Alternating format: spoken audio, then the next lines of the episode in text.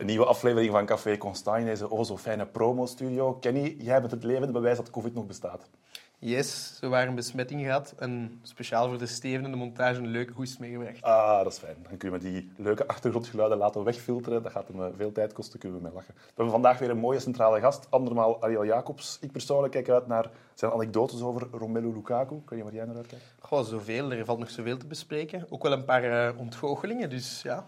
Er gaan een paar buttons gepusht worden vandaag, denk ik. Spannend. Ik voel de innerlijke Wilfred Gené bij mij naar boven komen. Heb jij een horloge? Topshow, jongens. Topshow, Topshow. topshow. Zwaaien met die polsen, topshow. Let's go. Het café Chantant, café Chantant. Daar krijgt u bij uw wijntje een treintje en refreintje. In het café Chantant, café Chantant. Daar heeft u voor een prik den hele avond schik.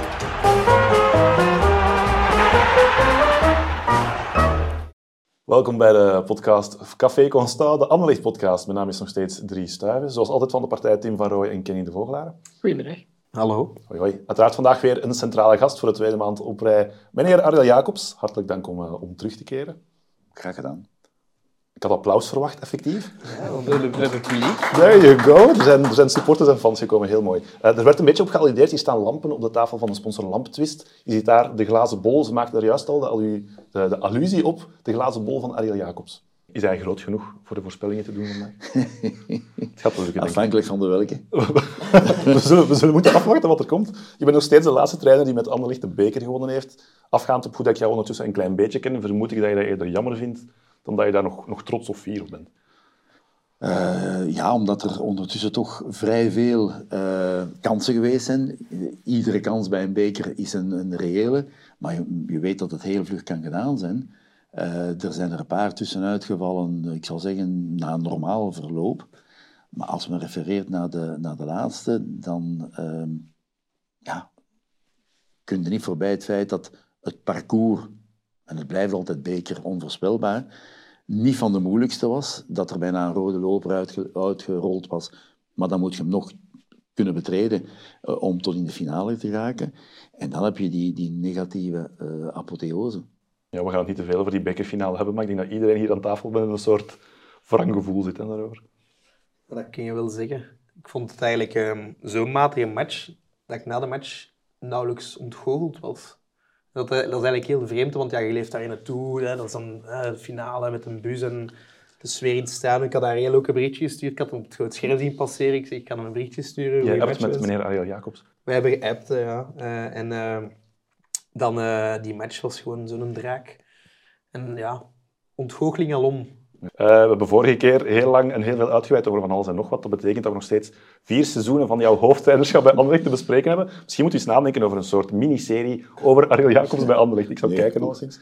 Um, we zijn vorige keer geëindigd bij seizoen 2008-2009 en de uitschakeling tegen Bate Borisov. Um, ik kan me voorstellen dat je dan bij een club als Anderlecht wel meteen het mes tegen de keel voelt. Nog eigenlijk voor het seizoen echt begonnen is. Ja, um vaak werd dan naderhand gezegd van een vorm van onderschatting en wat weet ik nog allemaal. Dat was absoluut niet het geval. Uh, ik moet zeggen, en ik ben de laatste om excuses te zoeken, uh, maar de realiteit was, los van die belangrijke wedstrijd toch, dat iedereen bewust was dat, uh, ja, dat, dat de club uh, niet of te laat in gang geschoten was voor wat betreft de zoektocht naar spitsen, dood eenvoudig. Uh, als ik het goed voor heb, uh, was het Matthias uh, Suarez en Canu die daarbij gekomen waren. dat waren vraagtekens, ondanks alle goede credits die ze hadden in hun, in hun respectievelijke vaderlanden. Maar ehm, dan moeten we zien, ja, hoe presteren die mensen bij ons? Ja. Ik had het gevoel wel dat Van Holsbeek en Van den Stok um, misschien meer dan bij een andere trainer, jou niet meteen zouden afvallen. Ook toen niet. Ik vond hun commentaar of hun kritiek die soms naar trainers onder water wel eens een steekje wordt uitgedeeld, naar jou toe had ik dat gevoel helemaal niet. Um, uh, het, het, spreekt vanzelf dat die zaak al binnenskamers aangekaart werd en dat ik daarvan wist. Niet dat ze me zeiden, kijk, uh, uh, als we het niet halen tegen Bati, we hadden het hand boven het hoofd. Daar werd niet van gesproken. Um, ja, daar gaan we wel van uit. Maar op dat ogenblik als trainer zijn ze sowieso gevangen van een, een, een situatie. Van een stok stak het sowieso op de scheidsrechter de nederlaag, dus dat was ook handig genoeg natuurlijk. Ik denk dat het ook een beetje een rode, een rode draad is in het verhaal, dat nog wel een paar keer gaat terugkomen, is dat Anderlecht niet voorbereid aan de voorbereiding begon. Of niet klaar was om aan het Europese seizoen te beginnen. Alleen om nog maar terug te gaan naar begin dit seizoen is eigenlijk net hetzelfde gebeurd. Hè. Om even een uh, brugje te maken. Ja, het, Eh, het laatste seizoen dat ik op Anderlecht was, eh, die voorbereiding, dat was, dat was gewoon een drama. Met dus de nederlaag, de eerste wedstrijd in, eh, in Leuven. In Leuven, ja. Eh, dat was echt een... een allee, bij de start van de competitie, dus eh, wat was het? Begin, begin augustus was het nog een, een, een, een werf. Niet van te zeggen, oké, er zijn al spelers bijgekomen. En, en eh, ik, ik denk dat toen het bewustwording eh, zo groot was, enerzijds de kritiek van, eh, van, van de fans, ten tweede, maar ten derde ook het feit dat je dadelijk bij de eerste wedstrijd in Leuven, je kon je wel verwachten aan een tegenstander, die natuurlijk eerste match van het seizoen niks te winnen, niks te verliezen, alles, alles te winnen feitelijk, niks te verliezen, dat er die serieus tegenaan gingen gaan. Ehm, maar op zichzelf mag dat dan niet gebeuren. Eh, ten eerste. Punt twee, laatste match van Romelu Lukaku. Omdat ik al vond, ik verwachtte dat hij vroeger zou weg geweest zijn. En dat was dus niet het geval. Dus op een bepaald moment begin je de bedenking te maken, oh, die gaat misschien toch nog een jaar blijven. Misschien zit dat in een, in, een, een, in een deal. En ik herinner me nog heel goed dat ik hem die vraag gesteld heb. En hij zei toen tegen mij, zegt, een, ik, ik zou niet weten waarom het tegen u ligt, maar ik weet dus helemaal van niks.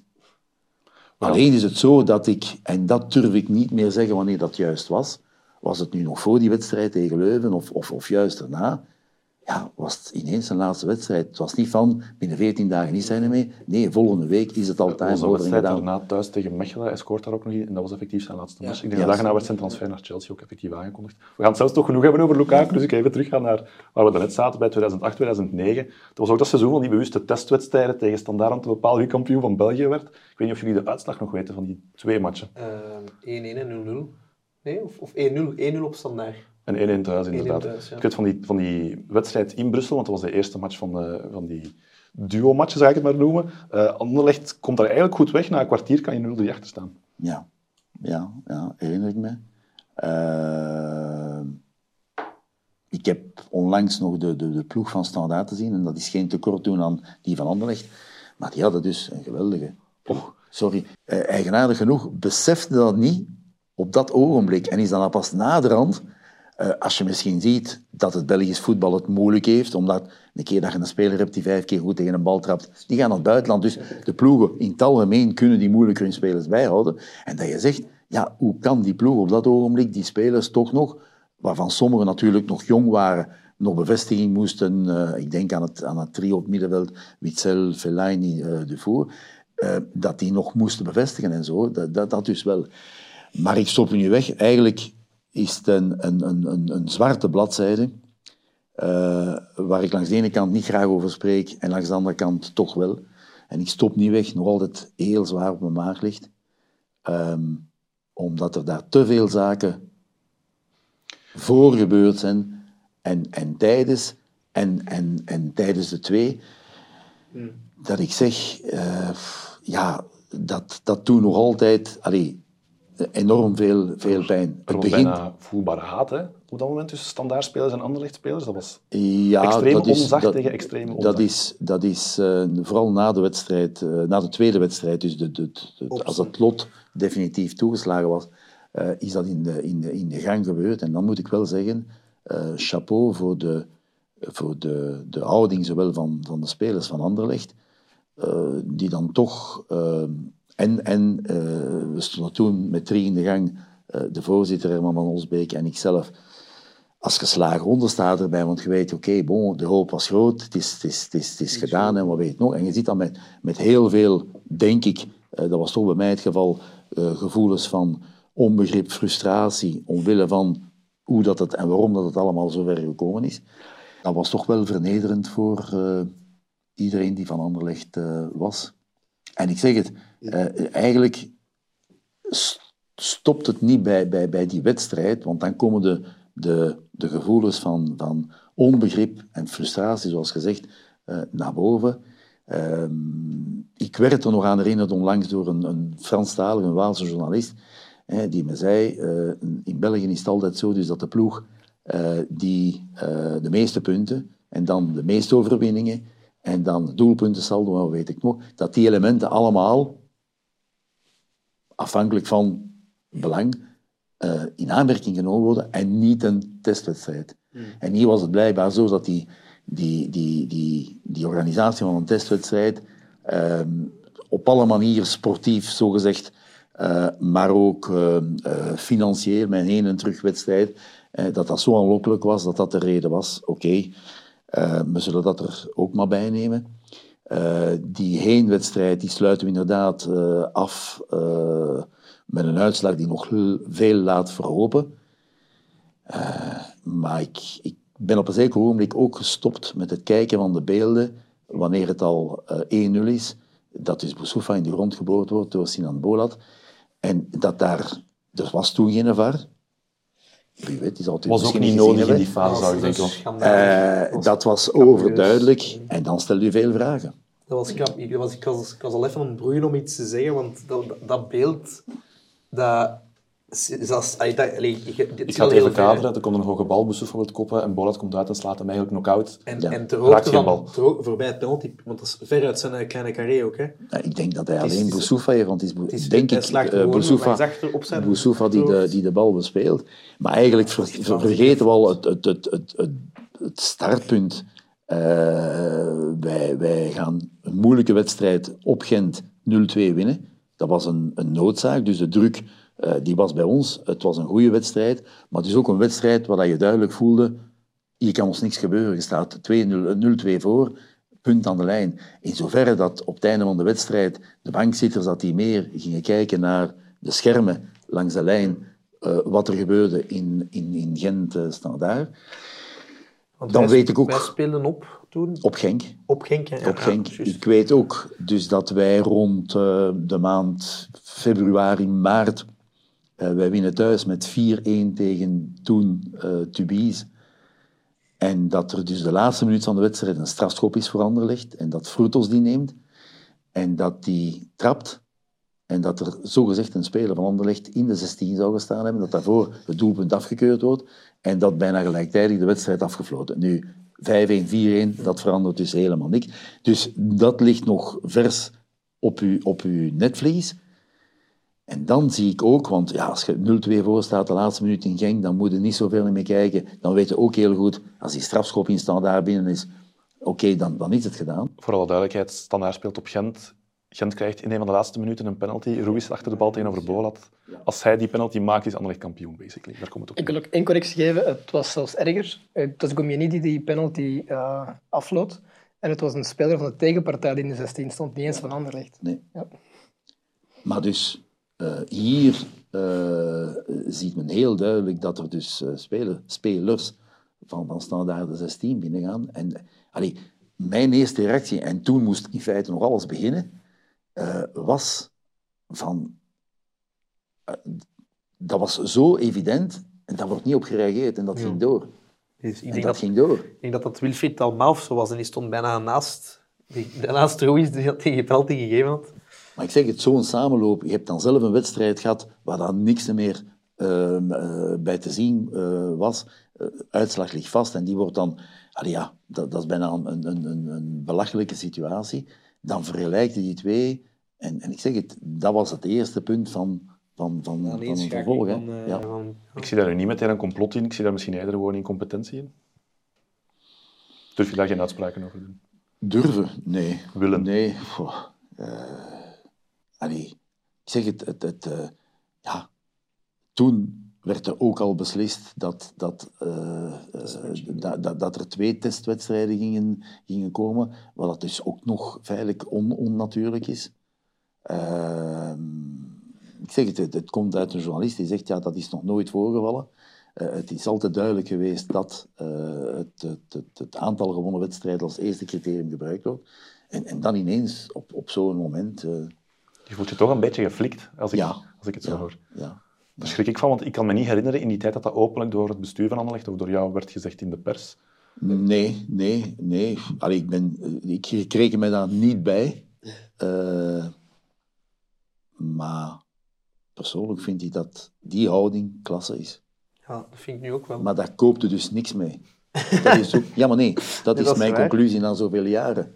Eh, ik vind dat klasse, eh, ehm, ja, dat is mooi, maar dat maakt het ook wat, wat, wat moeilijker om dragen. Maar mag ik daar nu even iets over zeggen? Dat, dat, eh, want ik, ik had over een... Dat vind ik prachtig dat hij dat zo verwoordt. En dat is dan ook de reden waarom bijvoorbeeld wat er nu in een aanloop naar de finale gebeurd is en na de play-offs, de houding van Gent in bepaalde zaken. Ik ga niemand bij naam noemen, maar er zijn persconferenties geweest, er zijn zaken aangebracht geweest waar ik dacht van... Ja, dat is iets dat, dat, is iets dat bijvoorbeeld gelijk protesteren over een terechte schorsing. Dat is ook iets dat Anderlecht nooit niet zal doen. Als een speler een rode kaart krijgt, dat is terecht. En dat is, dat is een bepaalde klasse die Anderlecht altijd zal hebben. En daarin, ik, ik, ik snap volledig die frustratie erin, want je wint er niks mee. Hè. En van dan, maar ja, bon, oké.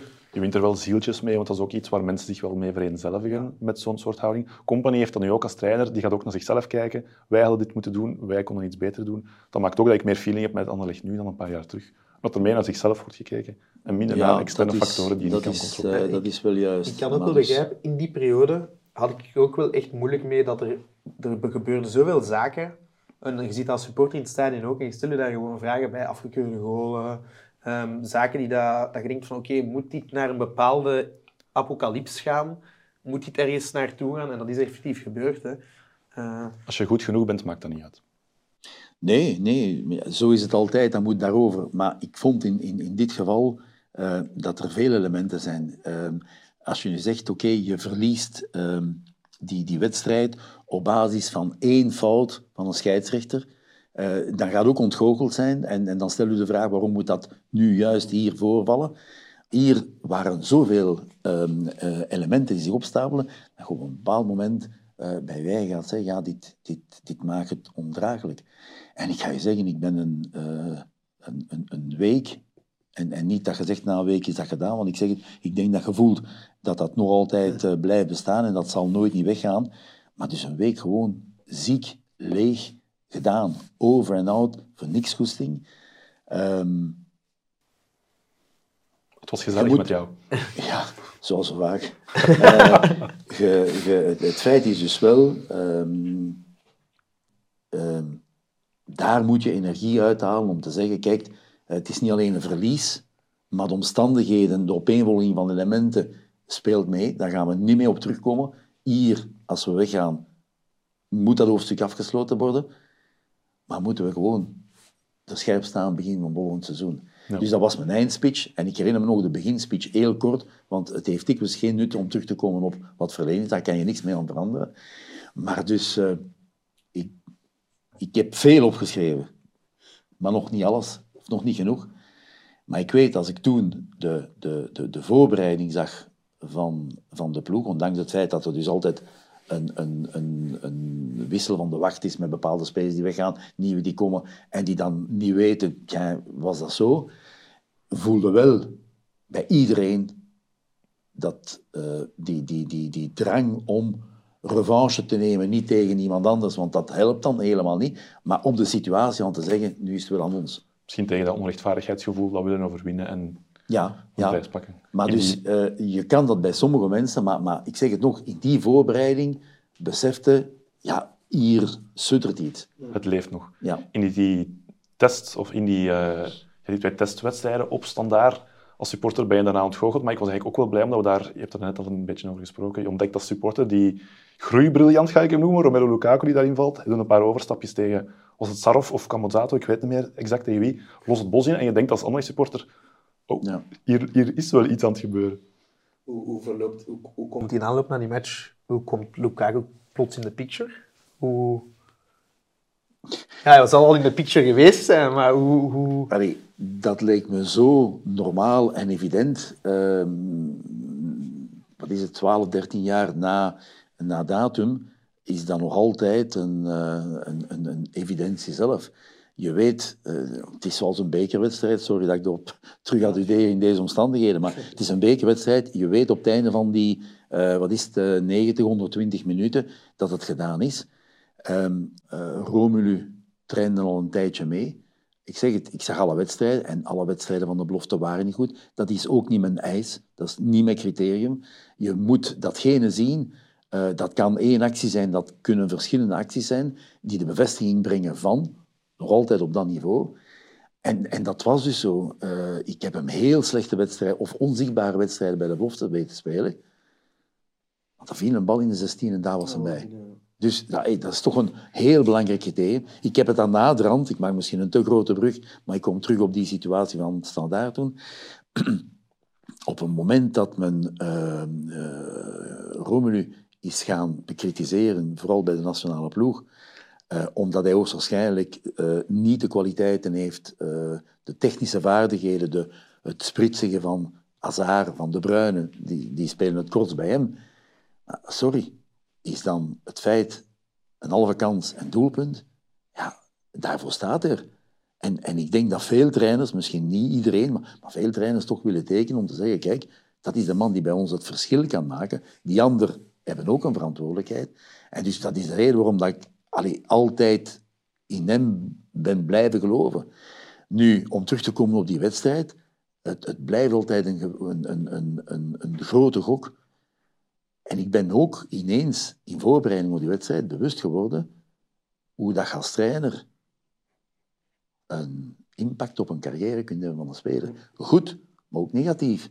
Want nu zegt iedereen, nou ja, wat, die kon dat toch allemaal.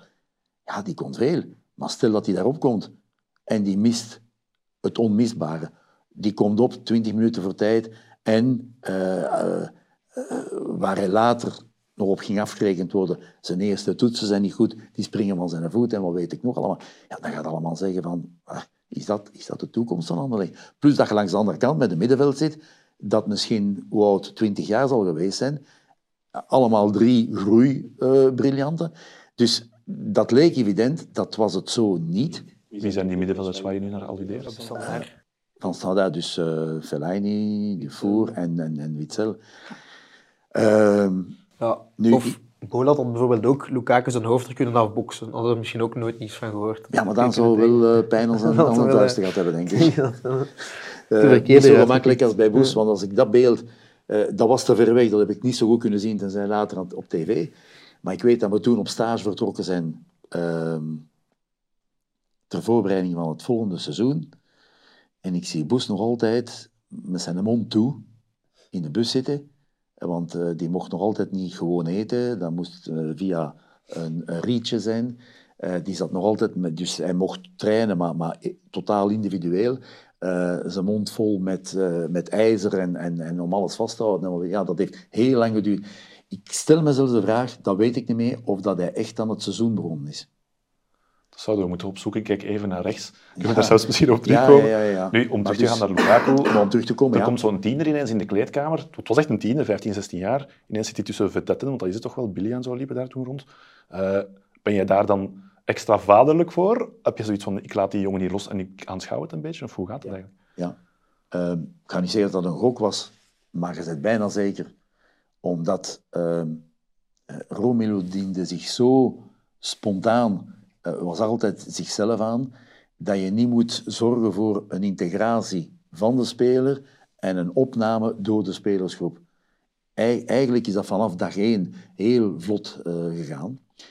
Uh, Romelu was geen profvoetballer. Dat mocht niet vermits hij nog naar school ging, toen.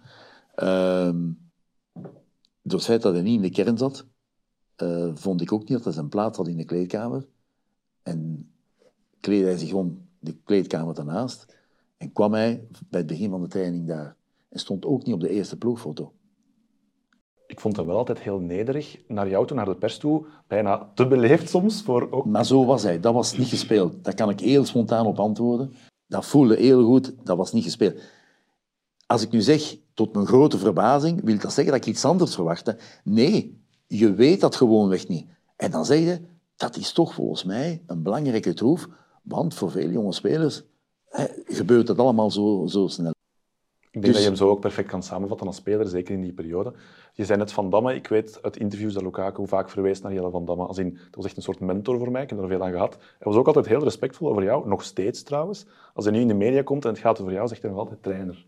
Dat ja, moet je wel plezier doen, dat respect eigenlijk nog. En dat is ook met zijn uh, WhatsApp-berichtjes. Uh, je WhatsApp er nog mee? ja. ja. Ja. Soms krijg je bericht van Romelu en soms van Kenny. Ja, voilà. Het is een beetje dezelfde grootte. worden, Maar, een En reunie- soms verwar ik die. dat lijkt me straf. maar ik, ik, ik voel een re- reunie aankomen in de zomer als hem een keer in het land is. Romelu en Ariel landen zullen de tafel. Dat wordt Als je veel daarin slaagt, eh, maar het is eh, voor, het ogenblik, allee, voor het ogenblik zeker, omdat het toch in een moeilijk parket zit, niet zo, niet zo evident. Maar ik denk niet dat hij daar zal, eh, zal eh, tegen, eh, tegenop zien. En ik zeg het, eh, ik heb veel jonge spelers waar dus dat je moet voorzichtig zijn met het integratieproces of acceptatieproces van, van, van spelers. En hier is dat dus nooit het, eh, het, het, geval geweest. Eh, ik vind dat, dat zegt niet alles, maar, maar dat zijn wel elementen die u doen geloven van, oké, die man, ja, die, die heeft een bepaald doel, die wil ergens geraken. Hadden me toen de vraag gesteld, gaat hij dat traject doen? Zou ik dadelijk gezegd hebben, nee. Ik zeg het nog, ik heb het wel moeilijk met mensen die nu zeggen, ja, dat zag je niet, maar weet nog. Dat is natuurlijk, eh, dat is naderhand. vaak noemen Dat dat, is naderhand, hè. Geloof je nog dat hij in zijn prime zou terugkomen als speler voor Anderlecht? Want hij alludeert daar wel regelmatig op in de pers. Ik vind het gevaarlijk dat hij dat nu doet, omdat eh, eh, je, je ziet hoe snel dat zaken allemaal kunnen gaan. Hè. Eh, tien maanden terug worden gevierd in, in, in Inter Milaan en, en, en in feite een beetje later, wat dat terug een stap voorwaarts zou geweest zijn in zijn, in zijn carrière, ehm, is, het, is het terug naar, naar af. Ja, is dat dan, stel dat het zover zou komen, is dat een goede zaak? Want, want dus, op dat ogenblik bekijken de Lukaku zoals hij geweest is, zoals hij nu was. Ehm, hij gaat natuurlijk, net zoals Vincent Compagnie het, het, nog heeft als trainer, maar het ook gehad heeft als hij terugkwam als, als speler. Je, het is normaal dat je dat krediet eh, dat je opgebouwd hebt, eh, niet alleen bij Anderlecht, maar ook naderhand, eh, dat je dat dan terug, terugkrijgt. Maar het, het, het blijft toch een, een moeilijke stap altijd. Je moet zien in welke omstandigheden dat, eh, dat, dat zoiets allemaal gebeurt. Hè? Ik had daar een eh, luisteraarsvraag, luisteraarsvraag over, over Lukaku. Zie je hem een, een toekomstige topcoach? Of zie je hem, een- zie je hem een coach? Hij zelf wel, denk ik. Als je hem zo hoort praten. Ja, wel, ja, die wel. vraag wil ik juist stellen. Of dat hij dat gaat willen doen. Ik had hem een berichtje gestuurd. Nu, twee jaar terug, na de, finale van, de verloren finale van de Europa League, eh, waar hij Een penalty scoort en een own goal maakt. eh, maar eerst de, de, own goal tegen, of niet? Op het laatste Ja, sco- ja, ja, maakt hij de own goal door ze verliezen. en, maar dus ze verliezen dan die, die, die finale. En, en ja, dat, dat, dat, dat, dat, dat, zweegt zwaar. Dus ik had hem gewoon een berichtje gestuurd, omdat, omdat je vermoedt, ja, het is de laatste wedstrijd geweest, seizoen gedaan, gaan met vakantie, zonder hoop dat daar iets, een antwoord op terugkomt. En tot mijn grote verbazing, ik denk twintig seconden daarna, belt hij me. En die heeft mij nog twee keer teruggebracht, want, eerst was het de bagage en dan was het de douane. En dus dus hij had daar blijkbaar wel die, die, die, die behoefte naar. En natuurlijk, we hebben, we hebben dan vooral gepraat over ehm, eh, ehm, die, die fase, dus die own goal. Wat ik dus vind, als ik me goed herinner, ehm, dat hij als linksvoetige zijn positie van zijn lichaam wat meer naar die betere voet moest zetten. En dat hij zegt, ja, Conte vraagt me juist het tegenovergestelde. En dat is een visie van een trainer, waarom dat ik me zo, waarom dat ik me, zo eh, ging zetten. Maar dus, eh, het, het, het is me opgevallen, ook naderhand, ehm ja, hij is... eh, dat, is, dat is zijn professionele karakter. Hij is daarmee begaan. Hij wil daarin verder.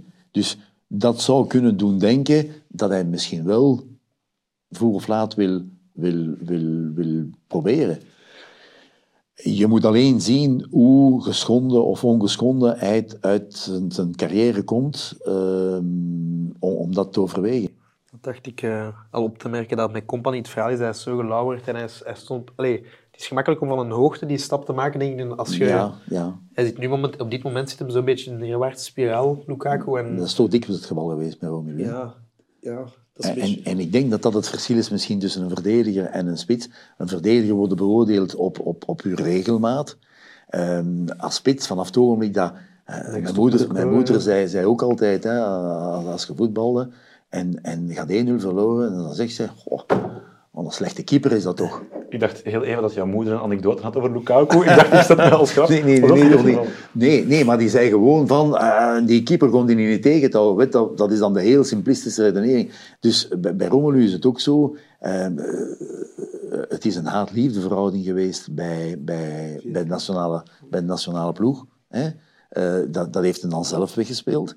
Hij heeft zich toch volgens mij tussen de drie of vier eh eh, incontournabelen eh, van, van de gouden generatie ge- gespeeld, wat hij in het begin helemaal niet, niet, niet, niet was. En dan, ja, hij, ging naar Chelsea, geen speelgelegenheid, overgang, dan, dan denken al velen van, ja, dat is het begin van een neerwaartse spiraal. Dan knik- knokte hij zich terug naar boven. De transfer naar Inter was onverwacht voor iedereen, net zoals volgens mij de transfer naar, naar eh, allee, de terugkeer naar, naar, naar Chelsea. Er is ook wel een karakterverschil, denk ik. Company heeft in het begin ook heel veel kritiek gehad van de pers. eh, en van Roy Davids als Timmy Simons, die met onnozele kritieken kwamen van Glenn de Boek binnen Anderlecht. Of voor kritieken bijvoorbeeld. Eh, ja, over zijn professionalisme en nonchalance. Zijn das. En, en, eh, Zijn das. Ja, zijn regelmatig, das niet, regelmatige foutjes tijdens wedstrijden, wat zwaar overroepen was. Maar Company heeft daar nooit op gereageerd, heeft zich er nooit iets van, echt van aangetrokken, openlijk. Terwijl Lukaku bij elke kritiek wel gewoon onmiddellijk naar de pers gaat en begint te klagen over hoe hij ja, verkeerd behandeld wordt. Ik denk dat ook wel... Ik denk dat met Lukaku als trainer ook een probleem gaat zijn, omdat ja, kritiek gaat er sowieso heel veel komen. En ik weet niet of Lukaku geweldig goed met kritiek om kan, eerlijk gezegd. Ik vind het zo wel heel negatief klinken. Ik, denk, ik vind hem niet goed om kunnen met kritiek misschien, omdat hij zichzelf, voor zichzelf die lat zo extreem hoog legt, dat hij misschien denkt, iemand anders moet me niet vertellen wat ik ook, beter moet doen. hij heeft ook heel veel belachelijke kritiek gekregen. En hij is ook afgemaakt in België op een bepaald moment dat ik dacht van, eh, bij de nationale ploeg ook. Allee, ja, dat, dat vind ik een beetje... En diezelfde, diezelfde tienduizenden mensen stonden dan een paar, een paar jaar later op een plein te juichen als we er, als we er twee maakten tegen Japan, bij juist, spreken. dat is juist. Dat is iets dat... dat Maar, ik denk ja. dat hij daar eh, voldoende eh, volwassen in is om dat eh, een, een plaats te kunnen geven. Maar ik kan wel aannemen ehm, dat dat plaatsvindt ergens in het begin. Maar, maar, maar, maar, maar na een tijdje komt, komt dat toch volgens mij zwaar aan. Hij heeft al veel doorgemaakt en dus ja... En, en bepaalde kritiek is eh, allicht eh, niet onterecht. Maar wat, waar ik het moeilijkste mee heb, dat is dat hij beoordeeld wordt op zaken ehm, waar hij vergeleken wordt met, zoals dat straks gezegd, met een Nazar, met een De Bruyne, en niet op datgene. Eh, moest men nu kritiek uitbrengen op het feit dat hij in een, in een wedstrijd drie kansen aan elkaar mist, dan kun je wel zeggen, dat is niet normaal, dat, dat is een fout. En dat is heel zelden het geval geweest. Als men ziet, ook bij de nationale ploeg, waar we toch vaak verondersteld worden om de beter te zijn, hoe vaak hij niet de echt beslissende, beslissende factor is. Yes, we gaan, eh, we gaan teruggaan waar we net geëindigd zijn bij het begin van het seizoen 2009-2010. In de voorrondes van de Champions League gaat Anderlecht er behoorlijk kansloos uit tegen Olympique Lyon, waar Benzema en zo toen nog aan het, eh, aan het schitteren waren. Als buitenstaander had ik het gevoel, er zijn maar twee spelers bij Anderlecht die mee kunnen, dat zijn Suarez en Billiam. Had jij dat ook zo ervaren? Of En dan vooral ehm Suarez. nog meer dan Billiam? Ja, ja. Eh, misschien omdat Biglia daar heel veel vuil werk, dus met alle, alle eh, respect voor de andere spelers, maar, maar dus in een rol die, die, die je van hem niet dadelijk verwacht en dat hij daardoor, laten we zeggen, minder echt opgevallen was. Maar het is Matthias Suarez die scoort in Lyon en tegen een overmacht, eh, op het moment dat, dat wij als ploeg eh, aan, aan het verzuipen waren, en dat je dan dat kunt, ik zeg het, dat sterkt mij. Dat heeft me toen wel innerlijk ehm, ehm, eh, wat voldoening gebracht, omdat je zegt, het is een, een lange, een moeilijke weg geweest, eh, waarin hij het begin meer stappen achteruit zette, omdat hij niet snapte wat dat mij wilde gedaan worden. Eh, het probleem voor mij was, hij had natuurlijk, dat, dat voelde zo, de, de onvoorwaardelijke steun van het Anderlecht-publiek, omdat Matti een Anderlecht-speler was. Maar, ehm, en het is makkelijk praten naar de rand, het moest geleidelijk aan, eh, stukje bij stukje. Eh, ik zou bijna zeggen, niet alleen van mij, want het ging, het ging verder dan, dan alleen het, het voetbal gebeuren. Ehm Matti is een van die spelers, en zo zijn er wel heel veel, maar in zijn geval zeker, die zich goed thuis moeten voelen. En, en dat was niet het geval in het begin. Dat was niet het geval in het begin. ik vind het een beetje jammer misschien als voetballiefhebber dat de relatie tussen hem en tussen jou niet optimaal was. Want het is wat hij gezegd. Puur technisch en qua stijl is hij een typische Anderlecht-speler vanuit de glorietijd. Ik heb het gevoel dat er tussen jullie misschien wel wat vrevel was. Omdat ik daar met hem in, in, in, de gesprekken geleidelijk aan, dus van, van bij het begin, eh, duidelijk gesteld had hoe het ging gebeuren. En hij wilde natuurlijk veel sneller. En, en Matti was dus de man die, als hij goede wedstrijd ge- gespeeld had, zo de indruk gaf van, je ziet wat dat kan. Maar nog eens, wat hem van, van bij het begin gezegd had, als je wilt doorbreken in Europa, ga je moeten zien dat je beantwoordt aan het profiel van de Europese speler. En dat je dus ook als spits ehm, daarom niet je moet doodwerken, maar een bepaalde, het zij positionele, het zij actieve verdedigende rol. Zou je hem tactisch lui durven noemen?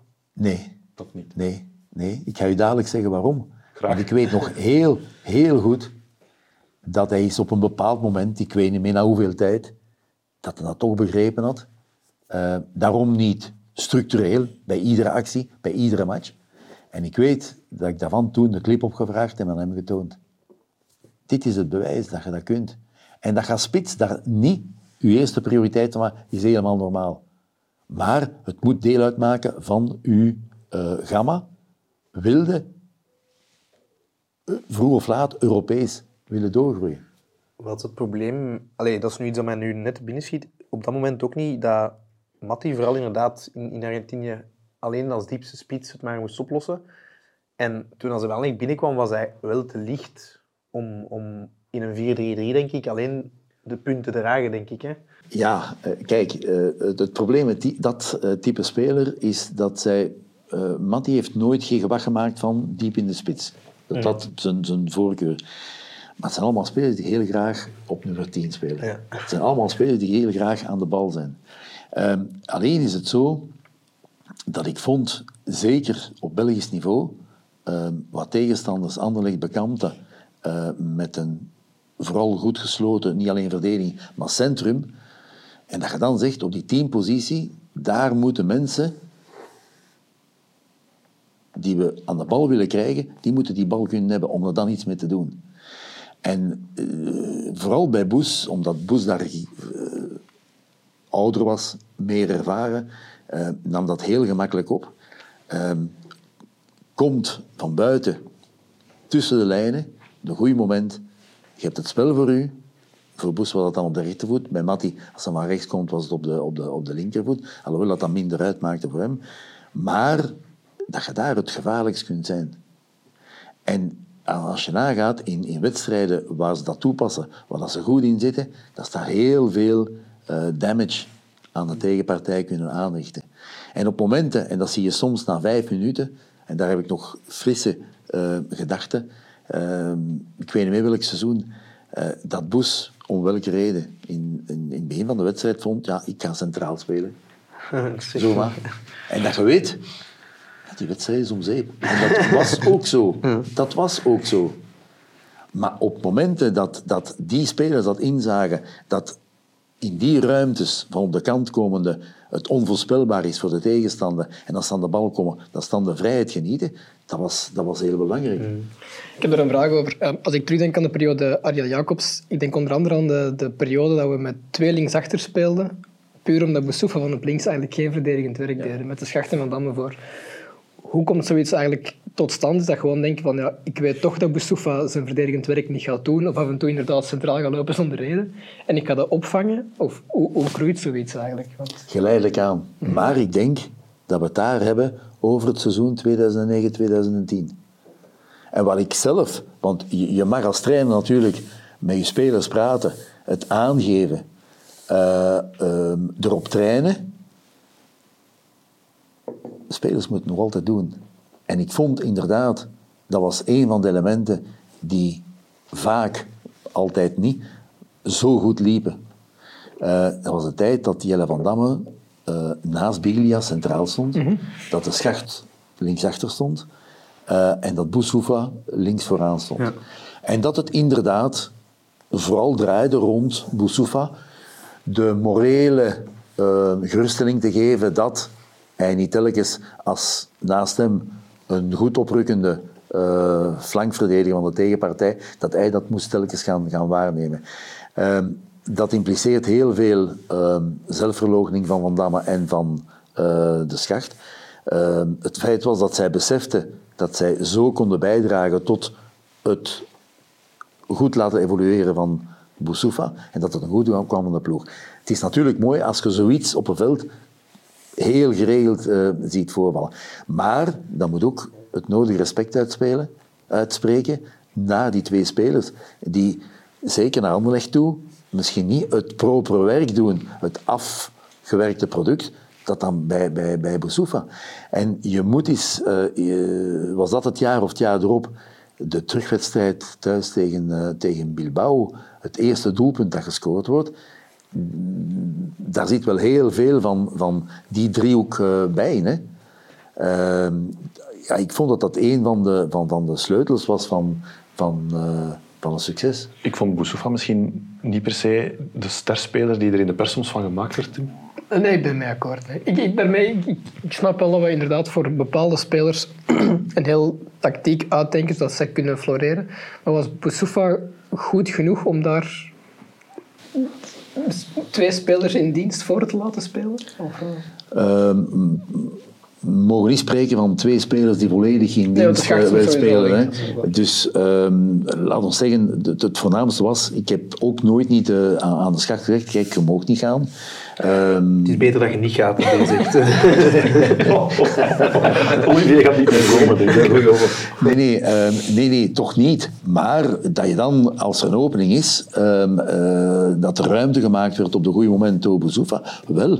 Maar de, de sterkte ook van, van die samenwerking was dat je mocht zeker zijn dat op dat ogenblik ook Van Dam gewoon een oog in zien om het over te nemen. Het is daarmee dat ik zeg, eh, het, lijkt gemakkelijker als je het zo ziet, maar vooraleer dat je tot zoiets komt, ja, dat vraagt wel wat, wat op elkaar ingespeeld raken. Ik vond het wel ook opmerkelijk hoe Van Damme op dat moment een powerhouse was. En ik, ik ben nooit fan geweest van de voetballer Jelle Van Damme en ook van de voetballer De Schacht. Ik heb ook veel gesakkerd op Boussoufa. Terwijl ik denk, de, de dag van vandaag zouden we ons twee polletjes met, met iemand als Boussoufa die ook de verantwoordelijkheid naar hem toe trekt offensief. Hè, want dat, dat deed hij dan wel. Dat wel, ja. Dat wel, hè. En hij nam zijn verantwoordelijkheid wel in een match. Bon, ik denk vooral Europees als we meer verwachten van Moussoufa.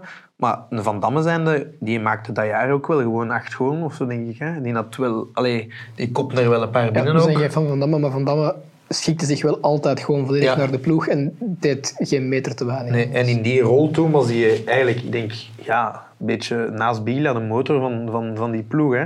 Daar moeten we niet een over doen hoe, hoe, hoe atypisch dat Van Damme misschien was voor Anderlecht zijn. Hè. Je zei daarnet, Boussoufa moet dankbaarheid tonen dan wel naar die twee eh, spelers die voor hem veel, veel werk opknappen. Deed hij dat ook?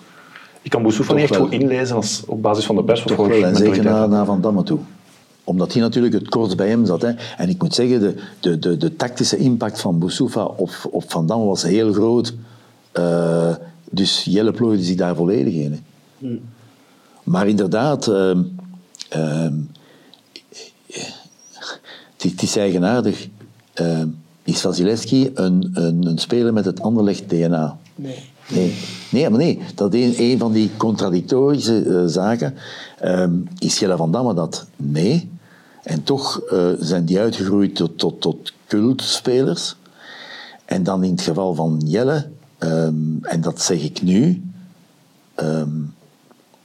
het is inderdaad eh, onvoorstelbaar ehm, hoe ehm, ehm, belangrijk eh, de rollen van iemand zoals Jelle werd. Niet tegenstaande, hij dus niet dadelijk eh, dat profiel van speler is, waar in feite iedereen zou ga- gaan van opkijken. Het is geen technicien natuurlijk. Hij was onlangs bij met Mit te gast, hè, die, die eh, podcast eh, van Sporthouse Group, van onze goede vriend Sam Kerkhoffs. Hij zei toen, ja, ik ben vertrokken bij Anderlecht. Ze hebben daarna in de pers, toen hij uiteindelijk naar Standaard ging, hebben ze eh, vanuit Anderlecht wel eens verteld vanuit het bestuur, ja, hij wou niet naar ons komen. Hij zei daarin, ze hebben mij eigenlijk nooit een voorstel gedaan. Had Anderlecht mij een voorstel gedaan, had ik altijd wel voor de, Brussel, de Brusselaars gekozen. Klopt dat? Of? En op welk moment was dat exact? Dat hij vertrokken geweest is. Hè. Nadat hij, hij was vertrokken naar Engeland, Ja. ben even de, de ploeg kwijt. Het is daarmee... Het allee, Southampton? Zou kunnen. Wolverhampton. Southampton. Southampton. Nee, daarna was het naar Wolverhampton. Daarvoor was Oké. het. naderhand, ehm, kijkt je niet terug op, op, op situaties zoals je ze beleefd hebt, met name zo, dan blijft het, het, het, eh, het belangrijkste over. En, en ik heb een goede band gehad met, eh, met eh, Jelle van Damme. Alleen, ehm, eh, en het gaat niet over standaard bij mij, ik, denk dat hij dat weet, maar de, de onderliggende ge- ge- ge- geschiedenis van, van de hele situatie. Dus Jelle ehm, doet het goed bij Anderlecht. Het, het, het draait en wat weet ik nog allemaal. Ook zijn persoon, ik denk dat hij door de, de, de fans, ondanks het feit dat hij dus niet dat, tuurlijk, ja, was populair, de- de- sowieso. die, die, die, die, dat ADN uitstraalde. En dus is er een eerste voorval. ehm, het, het jaar kan en durf ik niet meer zeggen, maar wij spelen dus een Europese wedstrijd. Tegen Sivaspor. Ja, zou kunnen. En dus eh, daar krijg ik de melding de avond voor de match, of op het ogenblik dat we onze afsluitende training hebben, dat dus ehm, Jelle niet gaat willen meespelen. Omdat ehm, hij ehm, een akkoord heeft met een club die ook Europees gaat spelen. En als hij zou spelen voor Anderlecht, zou hij niet meer Europees kunnen spelen voor die club. Er wordt dan wel eens geïnsinueerd, het ging over standaard. Wacht. stap, stap bij stap. Ehm, ik ga je zeggen, als dat voorvalt... de- Allee, je, je, je, zit in een relationeel goede situatie. En dan valt zoiets voor, voor toch een belangrijk moment in het begin van het seizoen. En ja, dan, dan, dan is het ongeloof, maar dat weet ik goed, dat toen bij mij plaats maakte voor woede. Snap ik. Ehm, Dat is een stevig woord wat je ja, daar gebruikt. ja, ja, maar dat, dat, dat zal hij ook eh, gemerkt hebben. En ik heb hem toen gewoon gezegd, ik zet die op het scheidsrechtsblad. Dood eenvoudig, speel er niet mee, weg.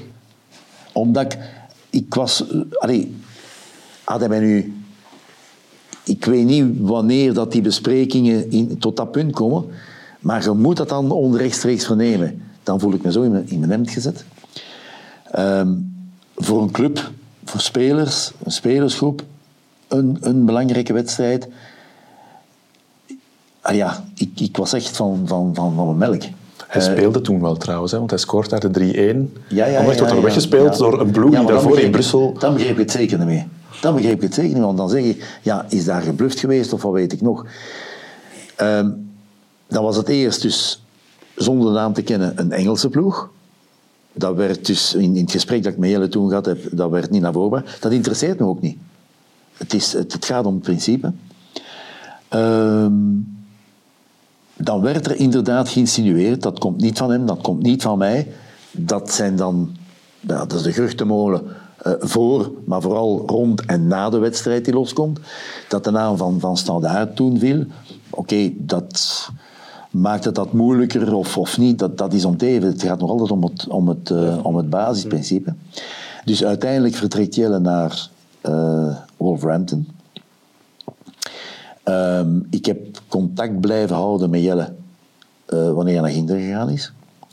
Want vrij snel ging het, ging het de slechte kant op. In tegenstelling met wat dat we eerder zagen van hem, wat hij eerder zei, van, hè, dat allemaal goed verliep en een trainer ehm, had dat vertrouwen in hem, wat weet ik nog.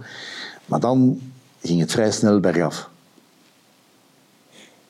En dan krijg ik een telefoontje van Jelle en die zegt, wil je mij niet terug in december? Ik heb hem toen direct gezegd, ja, maar dat is mijn mening. Je kunt begrijpen, dit moet ik voorleggen. En ik denk dat het bestuur nooit die kans gekregen heeft.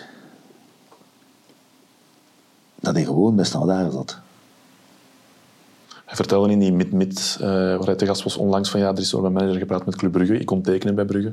Daarna zijn we doorgereden naar Standaard. Ik kon ook tekenen bij Standaard. Hij zou ook kunnen doorgereden zijn van Luik naar Brussel. Ja. Maar dat is dan niet gebeurd. En dat ga ik... Ik was dus enorm ontgoocheld. Niet alleen aan standaard ging, maar ook gehoord dus dat er, dat er sprake was van andere clubs. Ehm, maar ik heb nooit niet geweten dat er ehm, vanuit Anderlecht geen interesse bestond naar hem toe. Dat kan een missing link zijn in mijn, eh, in mijn eh, redenering, in mijn, in mijn houding. Dat heeft onze, onze die toen was eh, goed, ehm, wel wat, toch van mijn kant, besmeurd. Ehm, ik herinner me toen in een paar ehm, persinterviews, allee, dat we dat toch met, met zowel hij als ikzelf, met wat getrokken messen. Ik zat misschien ook in fout het feit van niet de volledige achtergrond te kennen, het feit dat Anderlecht niet achter hem uh, gevraagd had. En dan naderhand legt dat, wordt dat bijgelegd. ik moet zeggen, als ik er nu op terugkijk, op de ganse periode, ja, zoals heel vaak, heb je goede momenten, je hebt minder goede momenten. Wat daarbij blijft, zijn, zijn, zijn, zijn de goede momenten en, en, en dat kost ook.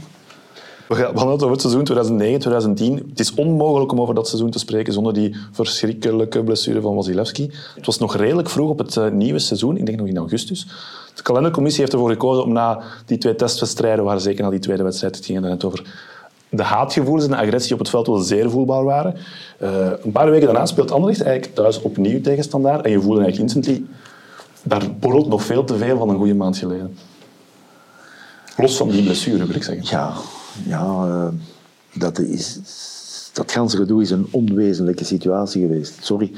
Um, ik, ik, denk van altijd professioneel geweest te zijn, gehandeld hebben, gedacht hebben en wat weet ik nog allemaal.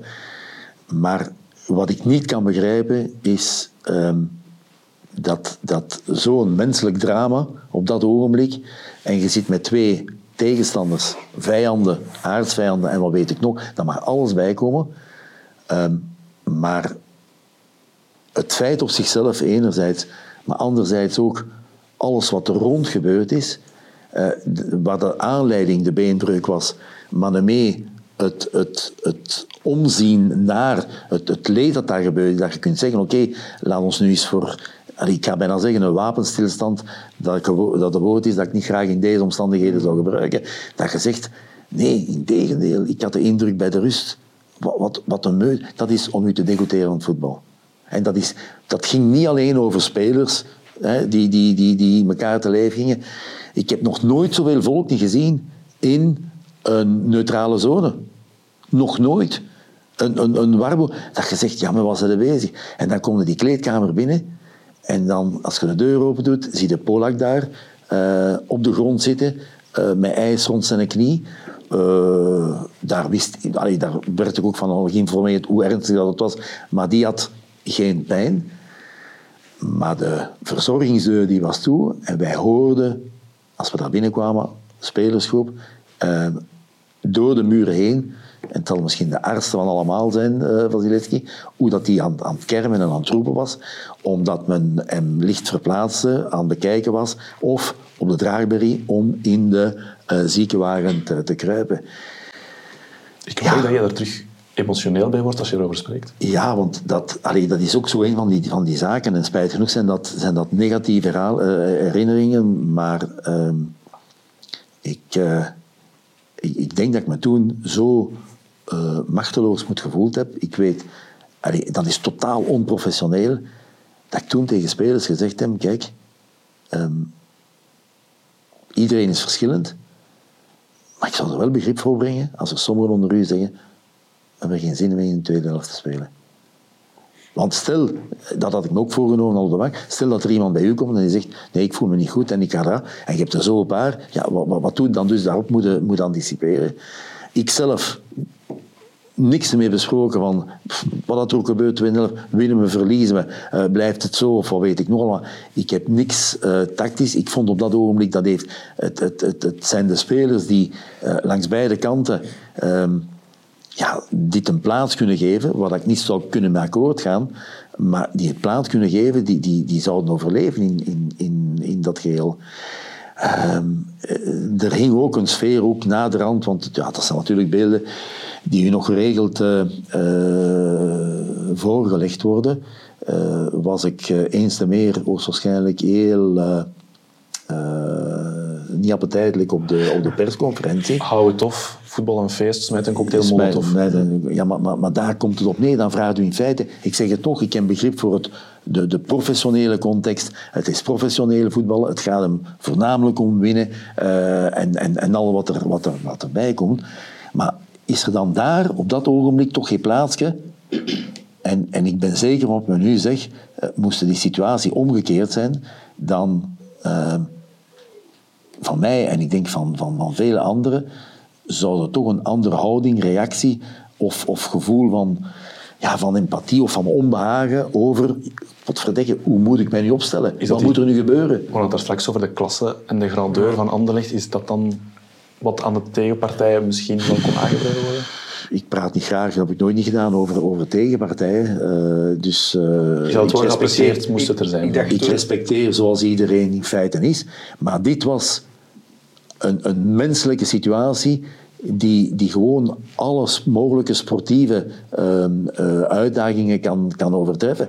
En dus dat haalt bij mij de, de, de bovenhand. En, en ik vond misschien nog toppunt, als je de dag daarna, eh, dat was voorzien, dus ik heb me daar ook niet van, van teruggetrokken, op, eh, op extra time. Wanneer me de vraag gesteld wordt, zit het oog. Ja, en, en, en dat ik zelfs gezegd heb, in zoverre dat ik gezegd heb, moest dit het einde van het seizoen zijn, zou ik ermee stoppen. En dat, dat, dat, dat we dat dan bekijkt, zo van, allee, wat vertelt hij nu? Ik denk dat we allemaal dat interview nog weten. En ik weet dat we allemaal ook wel... Enerzijds begrepen we jou, zeker als mens. Anderzijds als... Of gewoon binnen de voetbalvolger dacht je als kijker van... Wat gebeurt hier nu? Ja, maar, maar dus bij mij ging het op dat ogenblik, ik zeg het, aan het mens zijn, dat hebben we allemaal gemeenschappelijk. En dat is ook het belangrijkste. En, en eh, het voetbal komt er daarnaast nog maar bij. Ja, wat, mij het meest stoorde aan, aan heel die aanslag eigenlijk, was niet zozeer... Ja, oké, die aanslag zelf was totaal onnodig.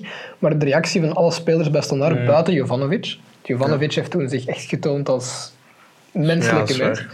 Ehm, maar ook daarna, Standaard dat in beroep gaat, Witzel dat zegt, ja, zo erg was die tackle uiteindelijk niet, het was een beetje pech. Alles daar rond was gewoon zo degoutant. De, de aanslag zelf, ja, als dat gebeurt...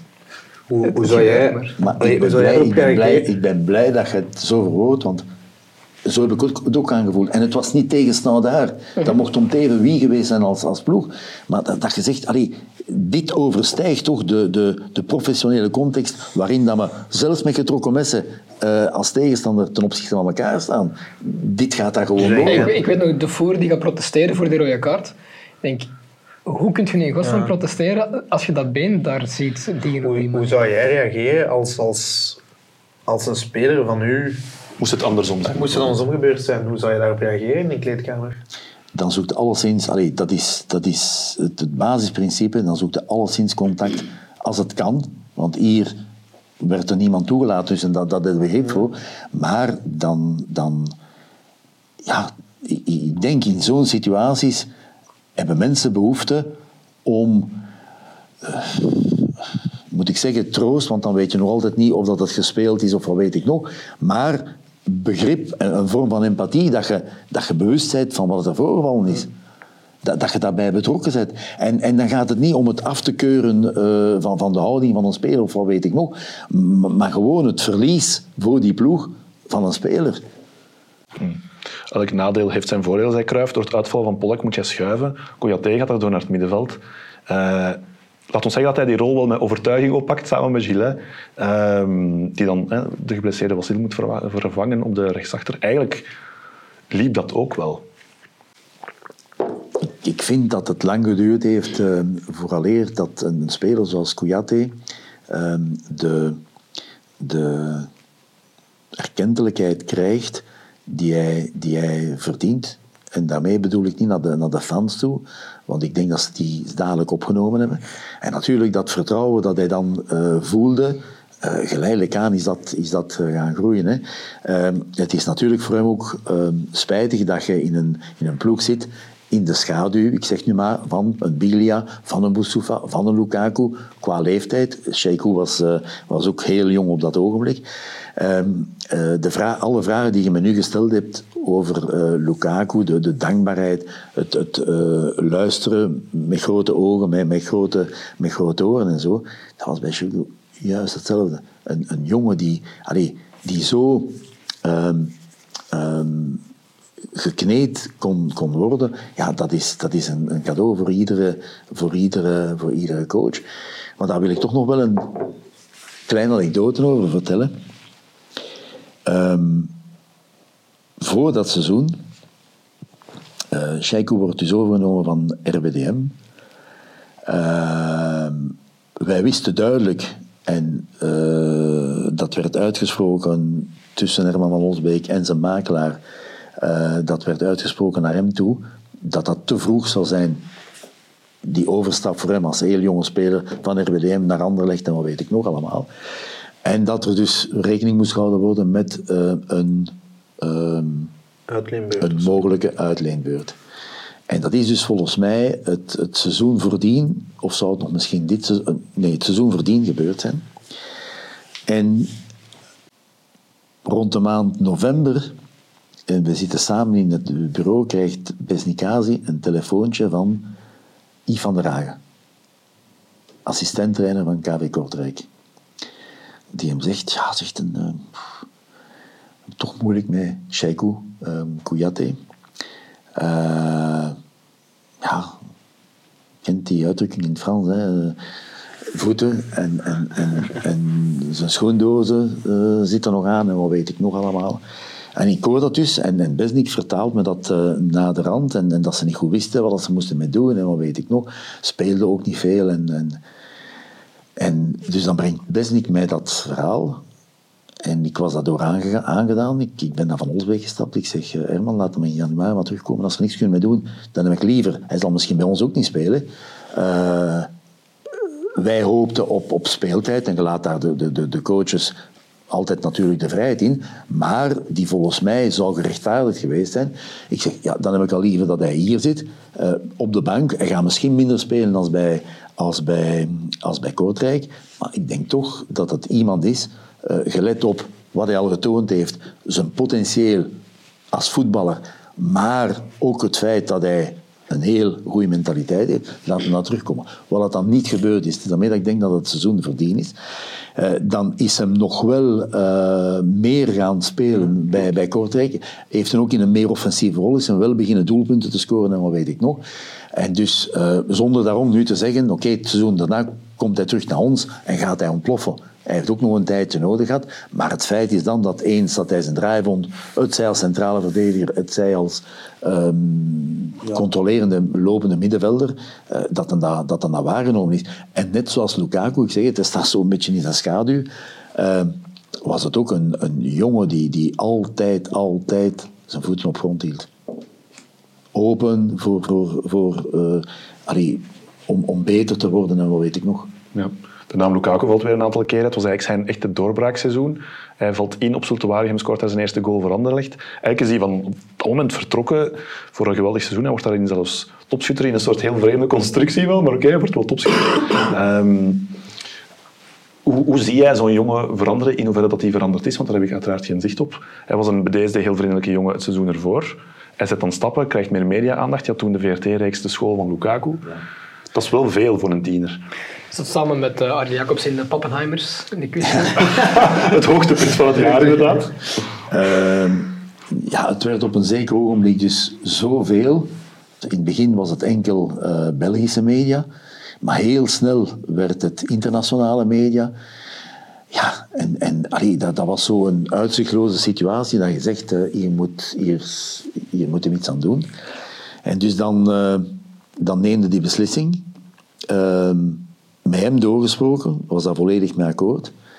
Uh, ik denk dat het de enige keer is dat ik met zijn vader gesproken heb, om hem dat ook te melden waarom ik dat deed. Want als de vader dan zegt, oh, mijn zoon uit de publiciteit en wat weet ik nog. Uh, dus met mijn, met mijn grieven waarom ik dat, uh, dat wilde doen, en dat was ook geen probleem, was er precies van, ja, jij doet voor goed en, en, en we, zullen, we zullen wel zien. Ja, dat is... Uh, niet in dankbaarheid ontvangen. Uh, so be it, daar heb ik me helemaal nooit niks van aangetrokken. Uh, na bepaalde wedstrijden uh, werd me dan toch, of, of zelfs soms in de week is gevraagd van een uitzondering te maken voor die of voor die of voor die, heb ik altijd gezegd nee. al had ik daar feitelijk in mijn binnenste wel op bepaalde momenten wel begrip voor, maar dan weet je heel goed, eens dat je de minste opening ja. laat, ja, dan is het weg. ik denk de enige uitzondering die ik er ooit op gemaakt heb, en nu twijfel ik, was de wedstrijd die we op Ajax 1-3 winnen, waar hij twee keer scoort. Met het hoofd zo waar. Ja, en, en natuurlijk waar eh, dan ook de, de internationale pers zit. En waar het me gevraagd werd, ik weet niet of dat ik het toegestaan heb of niet. Dat was een hele moeilijke. Ik, eh, ja, daar, handelde als coach, dat je zegt je wil een lijn houden, of daar handelde als mens en dan zeg je van, ja, is dit nu niet een moment om het toch te doen? Allee, het, is, het, is, het, is, een mooie overwinning. Hij scoort. Je weet heel goed dat hij weet dat hem daar niet uit de bol moet gaan en wat weet ik, wat weet ik nog allemaal.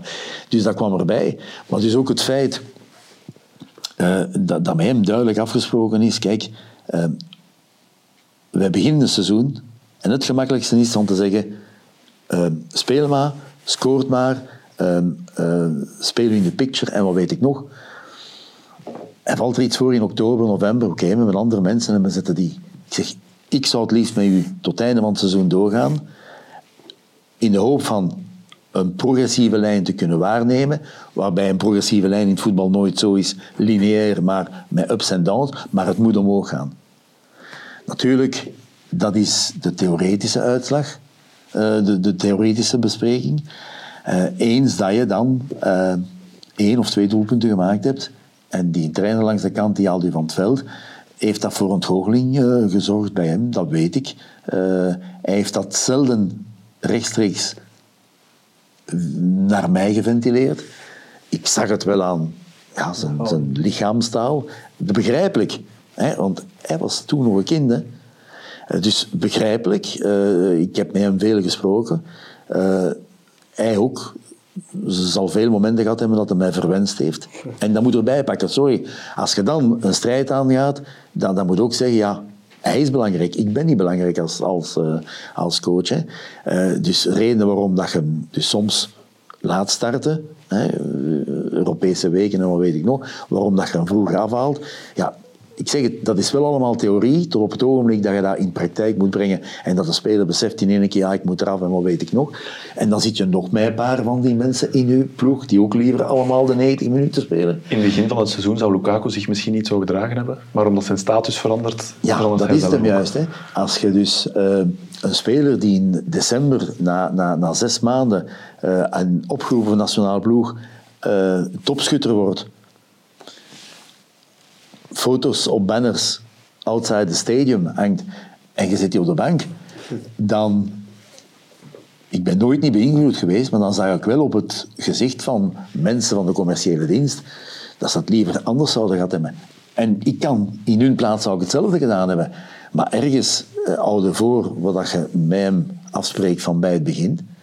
En als ik dit zeg, natuurlijk wordt dit in de picture gebracht omdat het over Romelu Lukaku, maar dat is, ik heb daar straks gesproken over het geval van, van Suarez, een, een, eh, een, een Kouyaté, is het juist hetzelfde. Met dat verschil, het zijn allemaal verschillende spelers.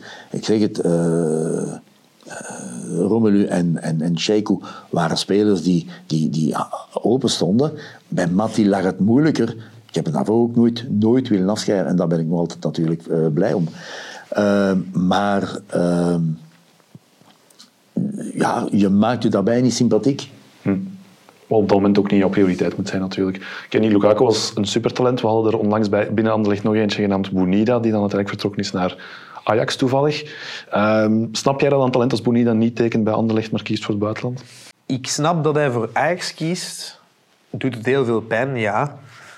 Maar ik snap het verhaal van echt in deze verhaal. Je ziet daar duidelijk in, Jean Kinemans zit daar ook en zegt ook, we hebben er alles aan gedaan om hem hier te houden. Het is niet gelukt.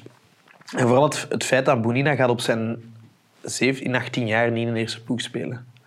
Waar je met Lukaku had, Lukaku was fysiek klaar. Die kon je brengen. Maar Bonida is veel te licht. En dat is iets dat... dat het probleem is, had Ajax binnen twee jaar gekomen op zijn achttiende, dan was hij terug aan de contract. Hij ging nog geen minuut gespeeld hebben, of, of hij ging misschien al gedebuteerd hebben, maar hij zal misschien niet content geweest zijn. En dan was de kans geweest dat hij terug gaat is vertrokken. En ik denk dat in die, in in in die optiek Zijn het moeilijk vergelijkbare is het cases? moeilijk... Ja, Ja, daar zou ik heel veel zaken kunnen op zeggen. Eerst en vooral bij, bij Romelu. Dus we zaten daar wel met een, een jongen van 16, 17, 18 jaar. Met een fenomenaal lichaam. Een fenomenale lichaamsbouw. Dat er ook voorzichtig moest gewerkt worden. Ik heb mij ten opzichte van hem eh, nooit niet opgesteld van het is beter van niet. Maar als ik sprak dus van ik wil u tot, tot op het einde bij hebben. En daar ben ik nog altijd blij en fier. Niet voor mezelf, voor de ganse staf.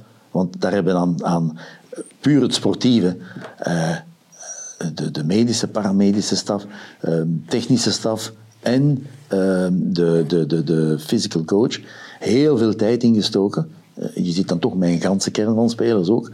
Eh, ik, ik, ik geloof niet dat mensen weten de tijd, de moeite, de uren die er besteed zijn om aangepast schoeisel te vinden. Ja. maar nee, dat klinkt lachwekkend. Op een bepaald moment begon op mijn eigen zenuwen te werken. Hè. Dat was, ja, we moeten terug twee dagen of, of een dag na eh één en terug naar, naar München, naar de zetel van, eh, van Adidas, om proberen, wat weet ik nog. Hij voelde zich niet goed bij, om welke reden ook. Dus daar hebben veel verschillende entiteiten in een club aan, aan, aan bijgedragen. Dus daar moest ook rekening mee gehouden worden. Hè. Eh, ehm, eh, een speler die, die het zaterdag speelt, maar waarvan dan beslist wordt op het comité in staf. Gedurende twee of drie dagen gaat hij niet op het veld komen, want we spelen woensdag of donderdag nog een wedstrijd. Gaat hij niet op het veld komen, maar eh, moet hij binnenblijven en dat doen en dat doen en wat weet ik nog allemaal. Dus evident is het niet geweest. Nu om terug te komen op, eh, op Bonida, is natuurlijk een heel moeilijke situatie. Wij leggen het altijd simplistisch en, en, en, en, en een beetje subjectief in, in het voordeel van Anderlecht uit. Het is natuurlijk aardsmoeilijk. Je zegt nog twee jaar wachten. Ehm, die speler zal zo niet denken, maar die ouders die zullen zeggen, ja maar, en dan zit hij ondertussen kwetst. Kun je in Ajax ook Ja, kwetsen? tuurlijk. Kun je in, in Anderlecht ook kwetsen? Ehm, het is zo, en dat merkte nu meer en meer in België, maar ook altijd op jongere leeftijd. Ehm, er was nog een tijd dat de Courtois, de Lukaku's, de De Bruynes één of twee jaar toch nog op niveau van eerste klasse konden spelen. Nu gaat dat heel moeilijk Nu gaat- ja, dat de echte toppers, die, gaan er echt mee doen. Ja, tuurlijk. De, eh, de, de, de, de toppers in wording die het misschien gaan halen, die zitten nu, nu in die situatie. En er is amper 10, 12 jaar eh, verlopen. Dus dat die kunnen, hoe zou ik het zeggen, in aanmerking komen eh, voor. Ehm, de clubs zitten daar enorm machteloos. En van een hoopvolle situatie vanuit club, speler, publiek en wat weet ik nog, wordt het heel vlug een verrotte situatie. Ja, om, om Dat je zegt, ik begrijp dat niet. Waarom, waarom gaat hij nu weg? Ik denk dat men ook geen benul heeft van het financiële verschil. En dat zeg ik niet, want dan, reageert... Ja, maar dat wil zeggen dat hij het financiële boven het sportieve... Nee, dat is niet waar. Ik ben zeker dat die En jongens ook... al moest dat zo zijn, wie zijn wij om daar een oordeel op te... Absoluut, absoluut. Maar voor die jongens zal ook gelden ehm, eh, dat, dat sportieve project van Ajax. En dan komt daar dan nog iets bij. Maar wat nu ook wel gewoon iets is bij Bonita zijn, en ik had een, een fantastisch stukje ook in de move van gisteren, dat, dat ze die stage deden met, de, met die negen grote talenten in, in Frankrijk ergens of zo, en om hun voor te bereiden op hun stap naar... En je hoort die gasten vertellen allemaal, ja, ik wil 15, ze- 16 jaar, 15 jaar, ja, we willen binnen twee jaar ja, A-kern spelen bij Anderlecht. eh ik wil minuten gemaakt hebben. Dan Duranville zegt, ik wil basisspeler zijn. Dat op dat moment 15 jaar. Dus die, wat er met, met Company gekomen is en de perceptie bij de jeugd van Anderlecht is van er komen kansen, we krijgen kansen. Maar ze, ze, ze, ze ze wel allemaal twee jaar vroeger als normaal. Vroeger, op, als je 19 jaar, 18 jaar, kwam de piepen, kwam er bij de kern en, en dan mochten we hopen op speelkansen. Nu, die gasten er zijn er van 16, 17 jaar, die denken van... Hey, ik ben hier wel klaar. Die entourage zit daar dan ook achter. Ja, als je fysiek dan in orde bent of fysiek er klaar voor bent en je kunt gebracht worden, kan dat. Maar dat speelt dan bij Bonida in het nadeel dat hij vooral die fysieke dingen... Ja, dat is echt nog een kind. Hè. Ik heb er een paar, allee, twee maanden geleden nog naast gestaan. Ja, dat is, die gast die komt met moeite boven de tafel uit. Hè. Dus ze hebben het ook geprobeerd om hem bij de U18 te laten meespelen. Hij heeft een paar keer er- eh, matchritme... Allee, maar dat, dat, dat- hij werd daar overpowered. Maar, maar, maar die situatie is eigenlijk wel dezelfde bij Ajax. Hè? dat is waar. En dus het, de, het geduld ehm, is ook een principe dat bij alle twee moet gelden bij de twee clubs. En dat kan het dus blijkbaar wel meer opbrengen ten opzichte van Ajax dan wel ten opzichte van het, omdat Anderlecht. het loon ook gewoon hoger zal zijn, natuurlijk. En dan zijn die factoren Voilà. meespelen. En ik zeg het nog, ik ben de laatste om dat tegen te spreken. Ehm, het, eh, ik, ik denk dat men geen, geen gedacht heeft eh, hoe moeilijk dat is om die beslissing te nemen. En ik vind al die discussie aan te gaan ehm, over al die punten, wat er blijkbaar wel geweest is eh, met Anderlecht. ehm, dat vind ik op zichzelf al niet verkeerd, want dat is, dat is een, een, een gewettigde eh, discussie. Nu, de, de, ontgoocheling bij Anderlecht, eh, de frustratie om zich te moeten neerleggen bij zo'n situatie is heel groot, want het, het heeft ook een, een negatief voorbeeld-effect. Hè? Tuurlijk, in die ja. zin dat hij weggaat, anderen gaan ook beginnen te zeggen... Kan je als club winnen in zo'n situatie? Ofwel ga je die persoon veel te veel geld betalen, waardoor andere jeugdspelers gaan denken, ik wil evenveel krijgen. Of je doet wat ze nu doen en ze gaan daar niet in mee en je bent hem kwijt. Ja, voilà. Dat is een Zo, co- ik dacht juist te zeggen. Dus eh, eh, misschien gaan die ouders ook wel zeggen, hè, ja, zoveel geld, dan wat weet ik nog. Maar het is een realiteit. En, en wie gaat de naïveling uithangen en zeggen, bon, ik ga toch alleszins hier blijven. En dan zie je het allemaal vertrekken. En als dat dan ene doorbreekt, dan is het zo, sorry, als, als die jonge speler daar begint over na te denken, en dat zijn kinderen van 14, 15, 16, eh, 17 jaar, dus die worden al geholpen eh, door andere mensen, al dan niet ingegeven met, met, met, met, met verkeerde gedachten. Ehm, dat moet verschrikkelijk zijn. Ik denk niet dat, dat, dat in het geval van Bonida, dat die, dat die ook zomaar eh, vandaag op morgen gezegd heeft, nee, die, die zal altijd die, die vorm voelen, maar je maakt een keuze en, en, en, en het is zo. In het seizoen 2009-2010 ging het net over Lukaku. Moet Anderlecht ook afscheid nemen van een andere spits? Het was de wedstrijd Anderlecht-Club Brugge. Maakte er in de laatste minuten een 3-2 die hij in de win- winkelhaak schildert. Euforie. De dag erna de domper. Nicolas Frutos kondigt aan, ik moet een punt zetten achter mijn carrière. Hoewel hij die wedstrijd tegen Brugge nog invalt, ik vermoed op een half been of zo, nog de 2-2 maakt. Dus dat was daar wel weer belangrijk. Maar het ging dan blijkbaar toch niet meer. Nee, nee, maar dat is een situatie waar we heel vaak ehm, ehm, tegengekomen zijn. In de week, ter voorbereiding naar een wedstrijd. En dan moeten zeggen, het, het voordeel is, Nico wilde spelen. Ook een voetballiefhebber. Ehm, ik denk dat hij van alles gedaan heeft om proberen fit te zijn. Eh, wat heel vaak dan geleid heeft in het begin tot frustraties eh, in de schoot van de medische staf. Omdat Nico, ehm, we praten nu 12, 13, of 10, oh, oh, een twaalftal jaren terug. Toen was dat minder in voegen dan, dan nu. Dat, dat eh, spelers hun eigen fysieke, eh, medische of mentale begeleider, begeleiders eh, hebben. Toen werd er nog in de contracten van de spelers aangegeven dus dat eh, de, de uiteindelijke autoriteit op het vlak van kwetsuur dat de, de medische staf van de club is. En dat je alleen maar naar een externe mocht gaan als je de goedkeuring van de staf... En ja, dan, dan, dan weten we wat er gebeurt. Dan gebeurt dat achter de rug. Eh, Dan, dan werd er ehm, personen overgevlogen uit eh, Brazilië, uit Argentinië, eh, Zuid- Zuid-Amerika. En dat leidde tot heel veel frustratie. Dat kan heel ver gaan, hè? tot de punten dat dat kind zegt, ja, maar als hij meer vertrouwen heeft, moet het ook bij ons niet meer komen. Eh, dus dat is, dat is geen eenvoudige situatie. Veel vrevel, als ik het zo hoor. Ja, dat was heel veel vrevel. En, en, en onrechtstreeks wordt dan ook de persoon geviseerd. Hè? Dus eh, dan gaat het er mee om een speler proberen bij, bij, bij, bij, bij, alle middelen klaar te krijgen. Eh, echt heel, heel vervelend. Plus dat Nico niet de man was die de kantjes afliep. Eh, die, die heeft dus echt eh, individueel, eh, buiten duren, heel veel in, in, indoor en, en, en op het veld eh, zitten trainen bij vaak ehm, trainingstechnieken eh, waarvan dat gezegd dat is van de middeleeuwen, maar hij geloofde daarin. En die man heeft inderdaad veel, veel, veel goed gedaan voor hem. Het was alleen een blessure waarvan dat aan bleek ja, dat het altijd zo terugkwam, dat hem pushte op een bepaald moment van te zeggen, ja, stop, time, over en gedaan. De vrevel was er toen in twee richtingen, want ik weet dat ook Suarez en Bila heel vaak hebben nagetrapt richting medische staf van Anderlecht. Zeker Suarez. Eh, hadden jullie als technische staf heel veel vertrouwen in de medische staf? Want naar buitenaf werd die heel bedenkelijk bekeken, de medische staf van Anderlecht. toen. Ja, als, als spelers problemen blijven hebben, dan, dan is de, de, de, de logische redenering heel vaak van te zeggen, ja, maar bon, gaat dat wel helemaal, weet ik nog.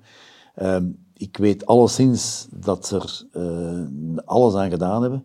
Uh, niet alleen in het geval van, van, van, van Frutos, ook het geval van, van Suarez. Uh, ook het geval, we hebben daar straks over gesproken, van, van Lukaku.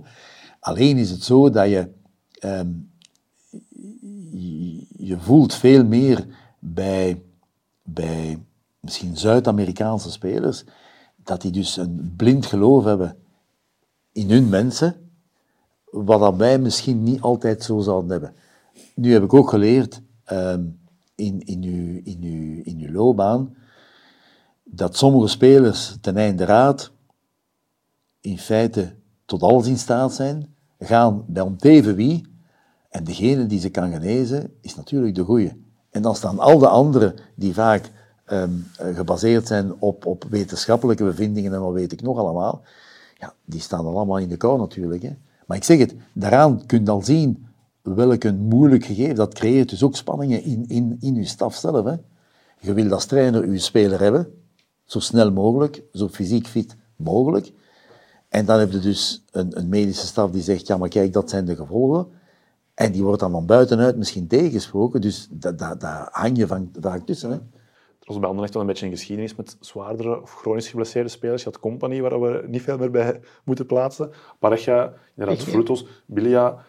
Nu hebben ze het weer met Kwaad, dat ook naar, naar, naar, inderdaad niet blijkt. Op een duur denk je wel als buitenstaander, again, we hebben daar totaal geen zicht op, is dat dan intern misschien dat er te weinig geïnvesteerd wordt in bepaalde departementen? Of, of... Ten eerste... Of is dat gewoon echt pech? Het is onder verschillende trainers.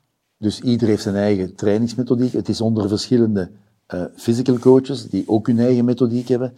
het is met verschillende kines, met verschillende dokters. Dan zou het toch een, een, een, een onvoorstelbaar uh, samenloop van omstandigheden en, en pech zijn. Moest inderdaad daar ergens de, de reden liggen. Anderlicht dat jaar Europees maakt op zich wel een mooi parcours. Je zei daar juist al, Lukaku met zijn goals tegen Ajax. Je wint van Timisoara, van Dinamo Zagreb. Je gaat voorbij Athletic Bilbao. Bilja maakt daar zowaar een goal in de uitmatch. Die op 1-1 eindigt thuis, veeg je die weg met 4-0. Um, ehm, uiteindelijk eindigt het uh, tegen Hamburg, waar dat ook wel anders had kunnen lopen, denk ik nu nog steeds. Maar je maakt daar wel een heel mooi parcours. Als je daar nu op terugblikt, denk je dan soms, we dat misschien wel kunnen winnen? Ja. De Europa League bedoel ik, hè? Uh, toch verder doorstoten. Mm. De ronde daarna zou je gespeeld hebben tegen Standaard. Dan zit je daarna in de halve finale met minst één Belgische club.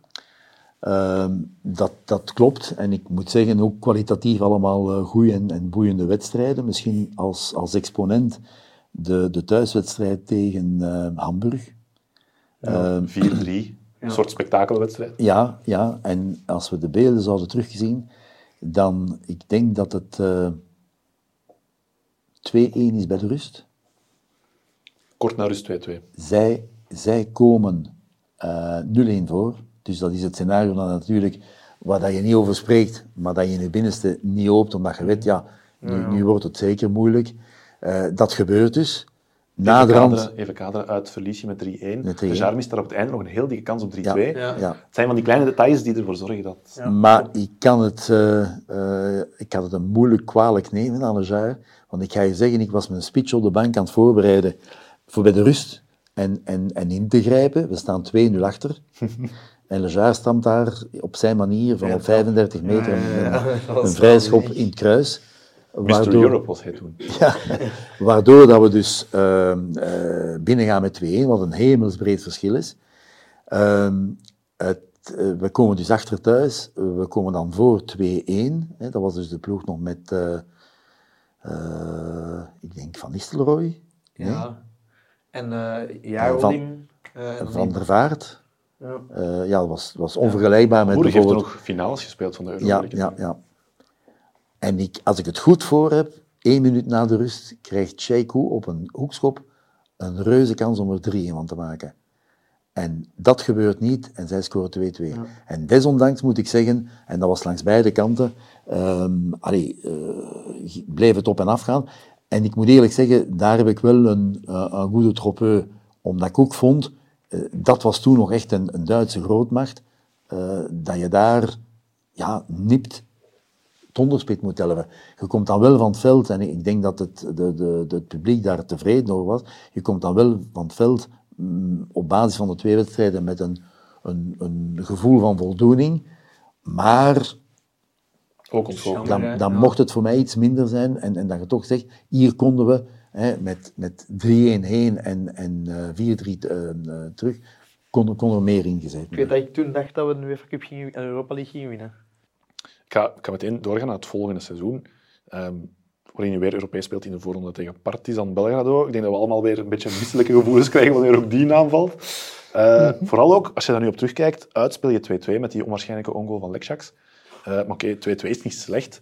Je start eigenlijk thuis en, en Anderlecht staat voor zijn eigen 16, of ik weet eigenlijk niet wat dat toen was. Ik kan me niet voorstellen dat jij gezegd hebt, jongens, kruip maar naar achter Nee, en laat je weet heel, heel goed, als je, als je daar een doelpunt vroeg maakt, eh, dat de situatie er ineens veel, eh, veel breder kon voor zijn. Ehm, geen overdreven zelfvertrouwen. Ik vond zelfs in tegendeel wat, wat, ja, wat vraagtekens.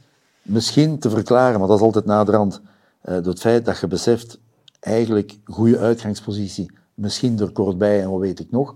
En, en dat, dat, dat, dat een groep daardoor kan, kan bevangen worden. Eh, het begint inderdaad eh, rampzalig. En dan heb je wel die, die, die goede reactie. En, en ja, de, de, de spijt, maar wat is spijt in de, in de sport? Dus dat, eh, dat de, de, de 3-2 op luttele minuten voor het einde, en die op dat ogenblik wel de kwalificatie geeft, afgekeurd wordt en, en, en onterecht. hè. Lukaku krijgt zelfs geel omdat hij zijn shir- shirtje uittrekt om die Ja. goal te vieren. Ja, Er ja. was toen nog geen VAR helaas. En dan zie je wel duidelijk dat hij, dat hij van, achter, van achter de tegenstander komt. Allee, ja, Klopt. Op het officiële forum van Anderlecht was er een vraag eh, gesteld aan jou van de user Marre. Die zegt, ja, eh, Anderlecht verloor toen van, of met penalties van Partizan. Company heeft nu verloren met Anderlecht in de beker van België met penalties van Gent. Kan je daar iets uit leren als trainer? Kan je iets doen met zo'n ervaring? Want verliezen op penalties, ja. Ehm, er bestaan bepaalde theorieën. Hè. Eh, penalties zijn trainbaar, eh, wat weet ik nog allemaal. Ik ga daar geen voor of tegen. Ik sta daar middenin, want, want eh, er wordt veel over, over verteld. Ik denk dat uh, Zulte eens een beroep gedaan heeft op de Noorse wetenschapper Ger Jodet om uit te leggen aan spelers als het zover komt. En het kwam zover. En Zulte Waregem heeft daardoor, toen de daardoor met behulp daarvan de beker gewonnen en wat weet ik nog allemaal. Ehm, helpt dat of, eh, of niet? Ehm, de vraag die ik me nog altijd stel, je, je, je, de- iedereen kan missen. Dat is gebleken naderhand in de geschiedenis van de... Maar je stelt dan bijvoorbeeld drie spelers aan, eh, met name Gillet, Boussoufa en... Nee, sorry. Eh Boussoufa, Biglia en Suarez. En die missen niet. Nee, die schieten vijf duiven dood. Helemaal boven in het hok, in het nok van de, van, de, van de tribune. Dat is nog altijd een raadsel. Hè? Ik zeg het nog, dat die keeper die nu pakt, oké, dan zul het... eh, Je hebt nu nog fase waar een keeper de bal pakt en heel goed getrapte strafschop, of slecht getrapte strafschop, of dat die speler hem tegen de deklat of naast trapt. Eh, oké, maar, maar dus hier, die spelers die toch voldoende beheersing hebben, eh, zowel eh, mentaal als, als voetbaltechnisch, daar blijf ik mij rot over. eh, want ja, je krijgt dan... Ja, dat is te verwachten, hè. Als je die drie spelers niet aanduidt, dan gaat iedereen zeggen, maar die is gek geworden. Zijn zogezegd bij de betere, die zit er niet bij. En nu, naderhand, die vraag heb ik zelfs gekregen, eh, waren dat nu echt de, de mensen die je moest aanduiden om penalties te stampen? Ja, daar zit geen... Daar zit geen ehm, en, en je zit met die discussie, je zit met die, on- met die onzekerheid van hoe het anders kon, en je blijft vooral met die enorme ontgoocheling. Hè. Je hebt nooit Champions League gespeeld met Anderlecht. Doe jou dat pijn als je daar nu op terugkijkt? Nee, denk je, toppie. Eh, in die tijd waren bepaalde zitjes van ploegen wel verwarmd, op Anderlecht waren die nog niet. Dus dat is het enige wat ik zou gemist hebben. Eh, eh, ja, misschien wel. Misschien wel. Vooral, ik heb... ehm, eh, allee, ik was trainer van, van tot twee keer toe. Dus de laatste keer was als ik mijn afscheid al aangekondigd had, het laatste seizoen.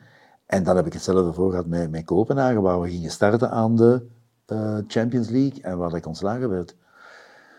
Ja, daar, daar moet je niet bij, bij stilstaan. Ja, spijt heb je daarvan, maar, maar dat zijn zaken waar je niets kunt aan veranderen. Dat moet, dat moet ondergaan. Ik er niet per se wakker van.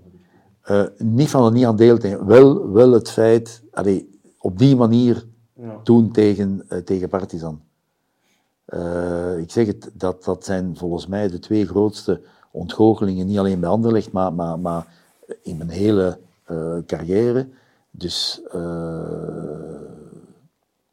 Bate en, en, en, en Partizan. En dan neem ik daar ook natuurlijk de, de, de twee testwedstrijden tegenstander daarbij. Je hebt ook een beetje pech als, als trainer zijn. Het seizoen ervoor word je kampioen en zit je niet rechtstreeks in de Champions League. Eh, over dat kampioen worden gesproken trouwens. Je lijkt me zo'n rustige man. Ik kan me niet inbeelden dat bij jou het tak eraf gaat als je kampioen wordt en dat je in de carré tot zes uur 's ochtends aan het feesten bent. Maar misschien is er een kant van jou die wij niet kennen, meneer Ajax. Nee, absoluut niet. Ehm, nee, want eh, in 2010 ehm, dan zaten wij na de, de geplogenheden op het, op het, in het stadion, ik zal het zo zeggen, en met spelers en wat weet ik nog. En dan eh, werd er in de spelersgroep beslist om, eh, om, om, om naar de carré te gaan. En eh, de staf zat nog in, in het kantoortje kort bij de, kort bij de kleedkamer. En dat was nadat Jonathan Lejar een van zijn perikelen gehad had. Eh, onder andere in, in de carré. En eh, op een zeker moment, wij zitten in een bureeltje. En er wordt op de deur geklopt. En het was Jonah. Hey coach, vous venez avec nous? Si vous ne connaissez pas le chemin, je le connais. Je lijkt me op zich wel een trainer die behoorlijk tussen zijn spelers staat. In die zin zou ik het ook maar normaal vinden dat jij uiteraard zou meegaan naar zo'n... Ik zal het festiviteiten noemen. En als het slecht gaat, is mijn mening. En als het goed gaat, een beetje afstand houden. En dan moet afstand Dan houden. moet je ze hun, Dat vind ik. hun successen gunnen. Dan, eh, ja, dat gun je natuurlijk, want ik heb daar echt plezier aan. En ik zou dan zeggen dat je spijt hebt van die man niet uit te zien gaan. Het is niet omdat dat uw eigen ding dan niet is. Ik heb toen wel het gevoel zo precies gehad dat dat aanzien wordt. Hè, wat die, die, die man is ziek, die, die, allee, die, die eh, feesten en wat weet nog.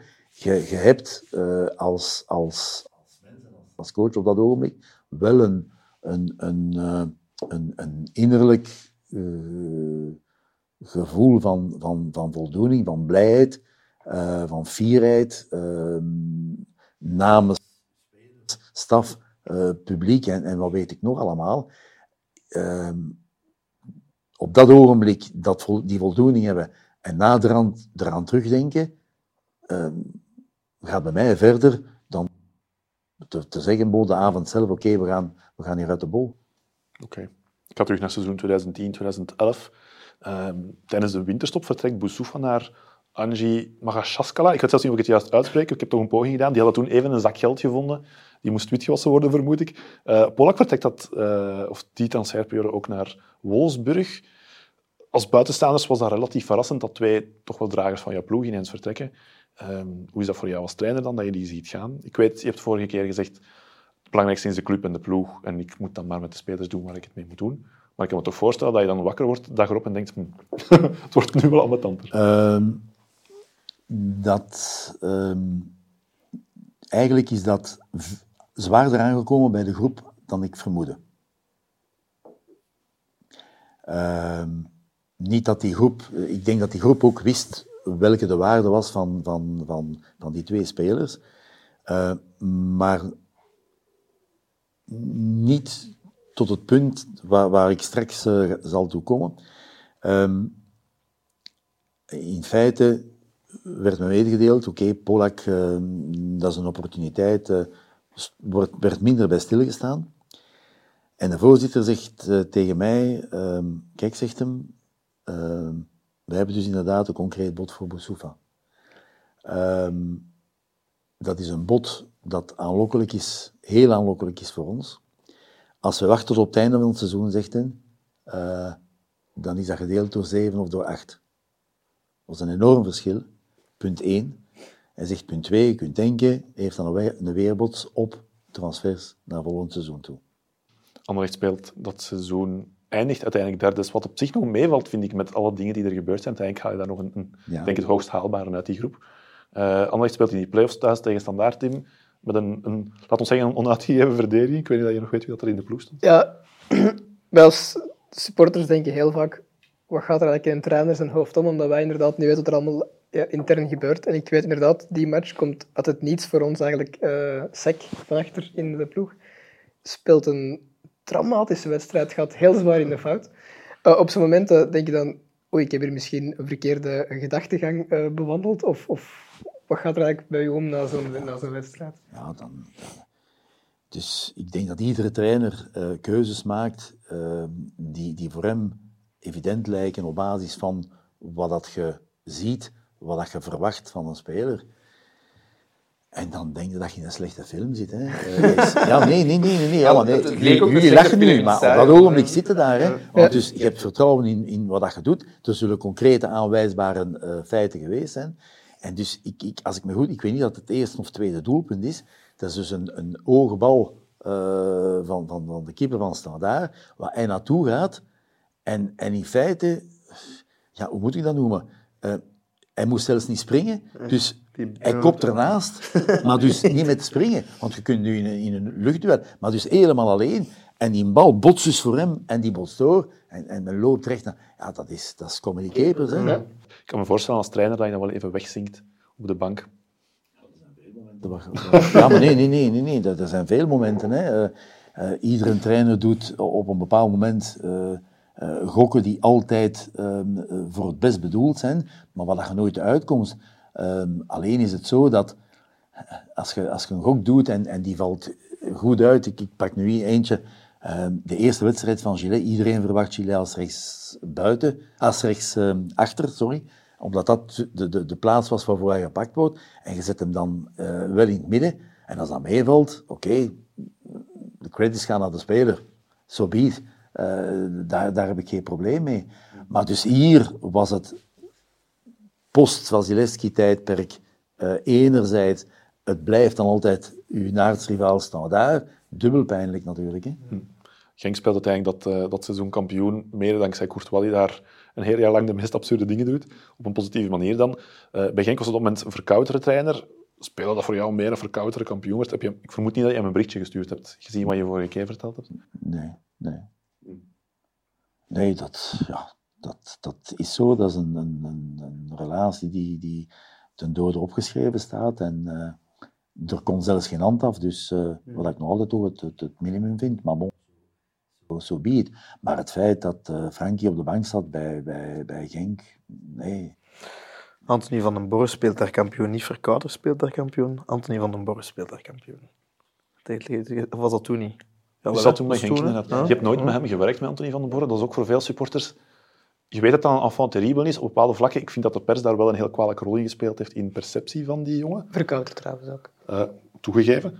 Ik, ik weet niet in hoeverre dat jij hem genoeg kent om daar echt een mening over te kunnen vormen. Veel andere supporters hebben daar wel een zwak voor, net omdat hij ook kwaliteiten heeft die België ver overstijgen in principe. Buiten het mentale dan misschien. Het is... Uh, je komt zo'n situaties tegen, iedere trainer denk ik, uh, van, van spelers die ja, enfant terrible, een ontleiding moeten hebben.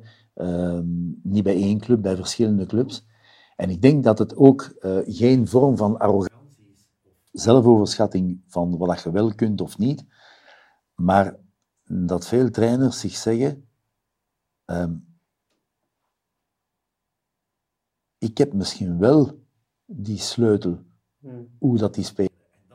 Dan, niet om te zeggen, ik heb dat gedaan, maar om, om gewoon te bewijzen, oké, dat is een speler met, van waarde. Als je nu een ander geval neemt, Balotelli. Hmm. Ja, nee, dat, ik, allee, dat is een, een aantrekkingspunt, omdat je zegt, die heeft kwaliteit kan op bepaalde momenten iets meer dan iemand anders. Onhandelbaar, moeilijk in de groep, maar op basis van wat ik al gehoord heb, links en rechts, uh, van andere trainers, zo en zo, maakt je een beeld en dan zit er daar een strategie tegenover. Oeh, dat kan ik wel aanpassen.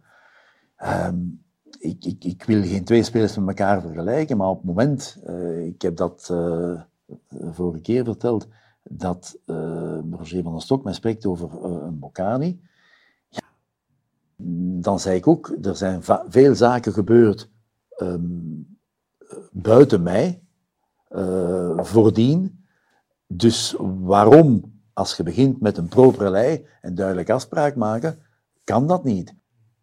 Bij, bij, bij Dieu is dat gelukt. Ondanks, desondanks zijn er wel wat links of rechts kleinere problemen geweest. Maar, denk ik, omdat, omdat wij een band hebben gehad die, die ja, die misschien niet, niet maar dat er op een bepaald moment bij beide mensen um, een, een, een, oh, een aanknopingspunt is, kun je wel toch iets mee, maar je kunt nooit niets alles uitsluiten. Hè? Maar ik voel dat vaak bij, bij, bij, bij coaches, dat ze zeggen, ja, maar ik wil... Als ik hoor dat, ik spring misschien van haak op de tak, um, iedereen kent de fratsen, maar ook de kwaliteiten van Lam Kelzee, en dat dan toch uh, Mark Brijs blijkbaar zegt, bij ons is hij welkom. Dat begrijpen. Velen gaan zeggen, maar is die nu gek en wat weet ik nog allemaal. Kom, Antwerpen stelt toch iets meer voor qua omvang van stad en wat weet ik nog, dan, dan OHL. Dus dat zal misschien meespelen. Maar je weet hoe, hij zich voordien gedragen had. En dus kan ik wel, maar ik. Vond, het, uh, ik vond Alex van Koelkost, die is blijkbaar een, een, een redelijk bevriend met Van den Boer en hij had daar een mooie getuigenis over en hij schetste het wel perfect. Dat eigenlijk Anthony gewoon heel timide is en heel... Allee, um, eigenlijk niet gemaakt was voor de red race van voetbal, om het zo te zeggen. En, hij, en zijn fout was dan dat, dat hij daar wel ook zijn gat aan veegde, op, op, op een bepaalde manier. En zei van, maar, maar, dat, het niet, dat het op zich geen kwade jongen is. En ik vind gewoon, en dat, dat was ook zijn mening daarover, de perceptie die er Van den Boorn is opgehangen in, in België en de Belgische pers, is gewoon een beetje degoutant. Daar is heel vaak de man gespeeld. En uh, zo gaat het heel vaak. Hè. En, eh, en dat, dat was ook wel een mooie quote, uh, die uh, Alex ook van... Um, Anton had gewoon één ding moeten doen en dat was iets meer met de pers praten. Vorige opname ging het over de transfer van Mbokani, je hebt er net naar gealludeerd.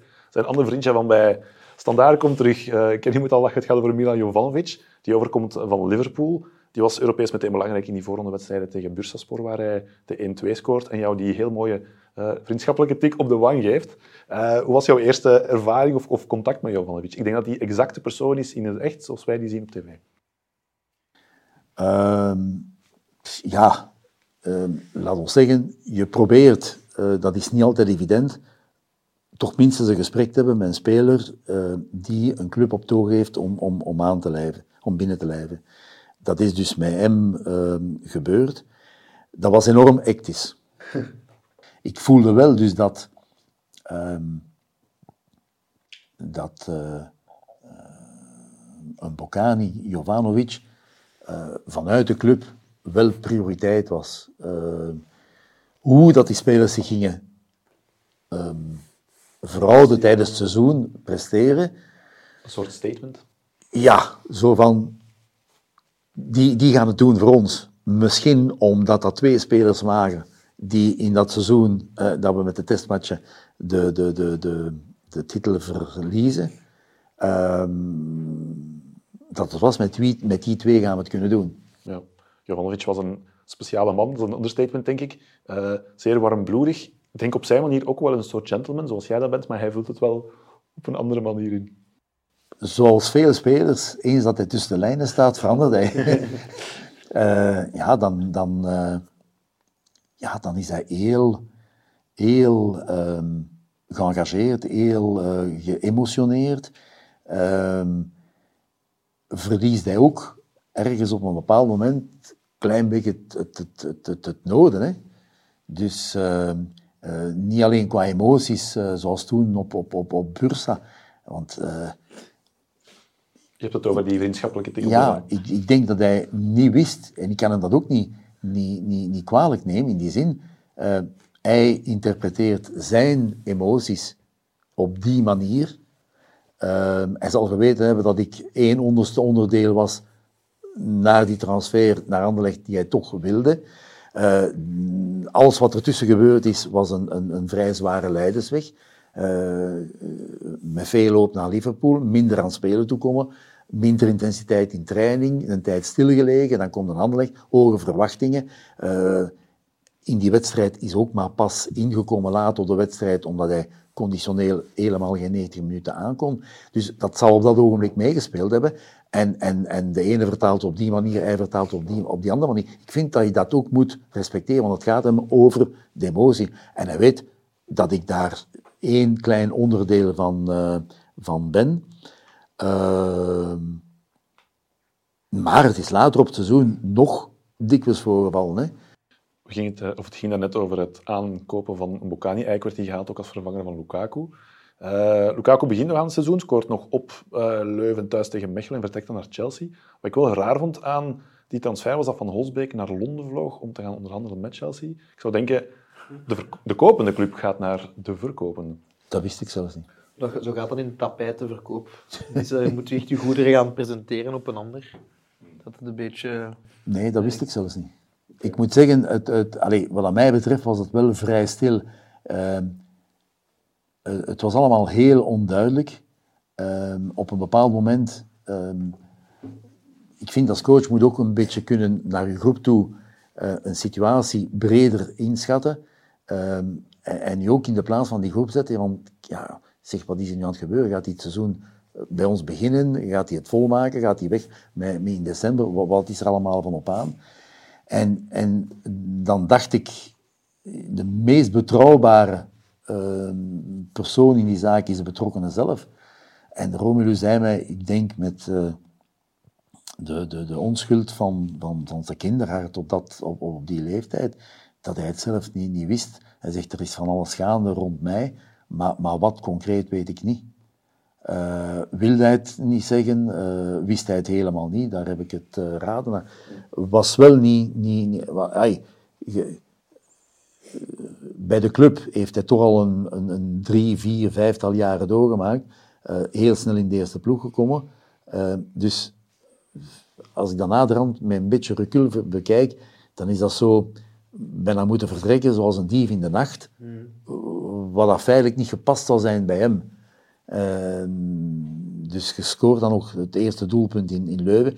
Uh, naderhand bekeken vond ik het al, al speciaal raar en, en, en uitzonderlijk dat hij daar nog meespeelde. Uh, vooral als je dan naderhand weet dat die gesprekken al aan de gang waren, ja, dan kun je eerder verwachten dat, die, dat de club waar hij naartoe gaat, met name Chelsea, dat die zegt, uh, nee stop, je, je, je speelt ermee siert ergens ook wel weer zijn, zijn drang naar het willen spelen en zijn professionalisme, om dan toch nog die twee matchen te spelen. Ja, toch wel. En, en pas op, uh, hij stond toen aan het begin van een, hele, van een heel traject.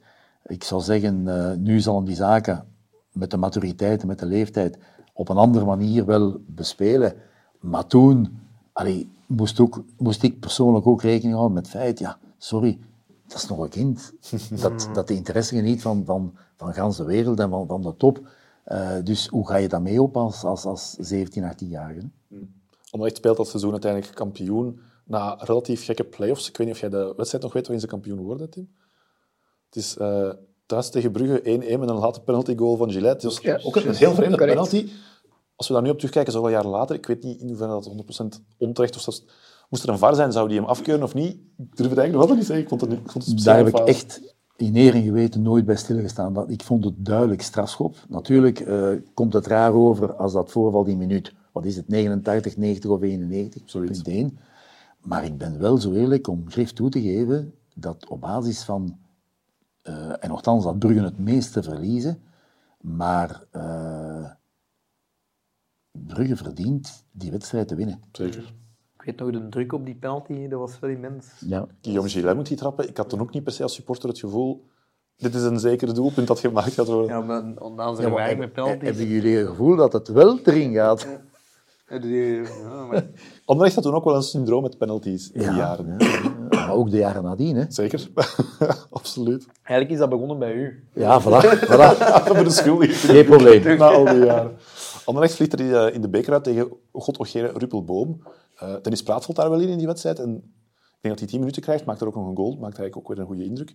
Um, je hebt ook wel beginjaren van, of maanden van Praat meegemaakt die de anker en verander ligt. Ook een ander type qua persoonlijkheid dan, dan Lukaku. Ja. Ik zou zeggen, allee, totaal niet, maar, maar toch groten, grotendeels. Um, ik mag me niet tegenspreken wat ik dat straks gezegd heb. Um, dat Romelu wilde alles spelen, maar je, je, je, je voelde dat hij begrip had voor een bepaald eh, traject dat je uitstippelt.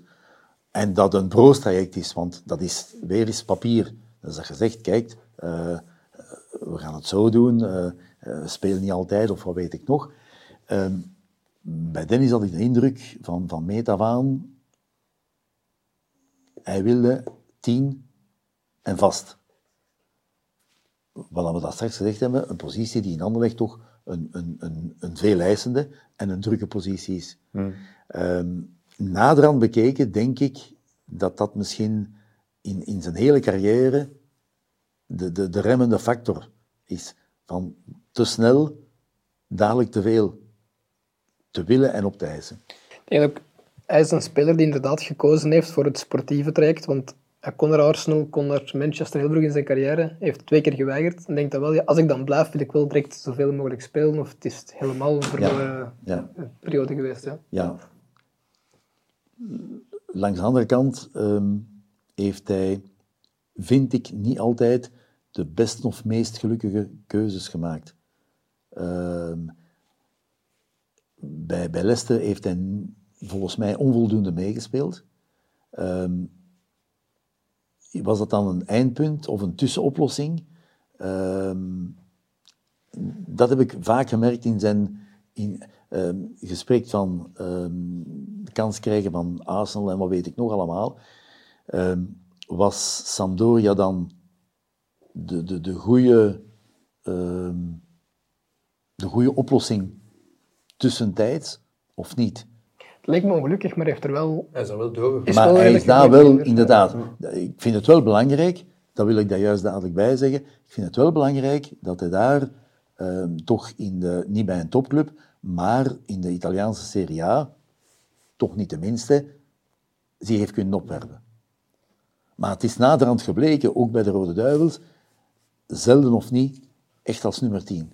Maar, ja, Ofwel in een verbindingsrol, ofwel in een meer startende, verdedigende rol. Maar ik zou, allee, nu even, een praat die fit is, moet, is voor mij toch altijd centraal het middenveld de, men- de man die je meepakt bij de Rode Duivels nu. Maar als bankzitter. Ja, als bankzitter, maar tot tegenstelling tot andere spelers die er nu opgeworpen waarvan ik de naam niet ga noemen. Maar, eh, ja, maar allee, praat is, is denk ik... En ook bij Leicester heeft hij heel veel goede mat- matchen gespeeld. Misschien te weinig gespeeld, maar inderdaad meer als, als een soort... Ja, naast, naast een Tielemans of als, naast een... Om als, als kuiser, meer als werker meer, hè. Maar wel een, eh, een acht met heel goede voeten, vind ik, hè. We moeten natuurlijk zien hoe dat het verder verloopt in het algemeen bij de Rode Duivels, maar het, het is wel zo dat we ehm, met, met, met een dubbel probleem zitten. Sommige posities onderbemand, ehm, die volgens mij echt op korte termijn voor een probleem zouden kunnen zorgen. En dan bijvoorbeeld de, sector centraal op het middenveld, waar er voldoende eh, aanbod is, eh, waar dat er velen zich geroepen voelen om, zogezegd, ik zeg nu maar, Witzel te vervangen, of, of eventueel andere, nemen we nog de Bruine bij. Ehm, en, en waar in feite de kwaliteiten van de spelers allemaal heel kort bij elkaar liggen. Maar waar je voldoende, voldoende hebt, hè. Een vraag die we heel veel gekregen hebben is, Ariel Jacobs is nooit bondscoach geweest. Is, jou dat, nou, is, dat, is dat jou nooit voorgesteld? Lag jouw interesse daar nooit? Of klopte die puzzel gewoon niet? Het, het is me voorgesteld op de kampioenenviering van mijn laatste jaar bij Anderlecht. Door wie? Ik weet niet dat je dat kan zeggen. Dominique Collin, die toen nog voorzitter van de technische commissie was van de Wie voetbalbond. was er toen bondscoach? Goed. Ehm, terwijl dat jullie de vraag stelden en, en ik het aan het uitleggen was, ben ik beginnen na te denken. Eh, dat moet zo de periode geweest zijn, wat was het? Advocaat, Lekens, eh Wilmots en, en allee, dat, dat was één, één, één soepje. Dus eh, ik dacht, advocaat die ineens weggaat. En, Frankie Dury en Frankie Verkouten hebben toen ook een paar wedstrijden overgenomen. Het was ik toen weet zelfs niet dat dat ervoor of. Ja, nee, dat was nog ervoor. was er wel nog. En eh, ik moet eerlijk zeggen, ik verwachtte mij aan, aan veel, behalve dat. En dus, eh, Jou misschien ook weg uit België. op dat niet? moment. Ja, misschien ook weg uit België. Nee, nee, nee per toch se. niet. Want ik, heb, ik ben gestopt bij Anderlecht zonder enig verder eh, project. Eh, en gezegd, ik zal wel zien, het kan uit België komen. Ik wil, eh, ik wil vooral...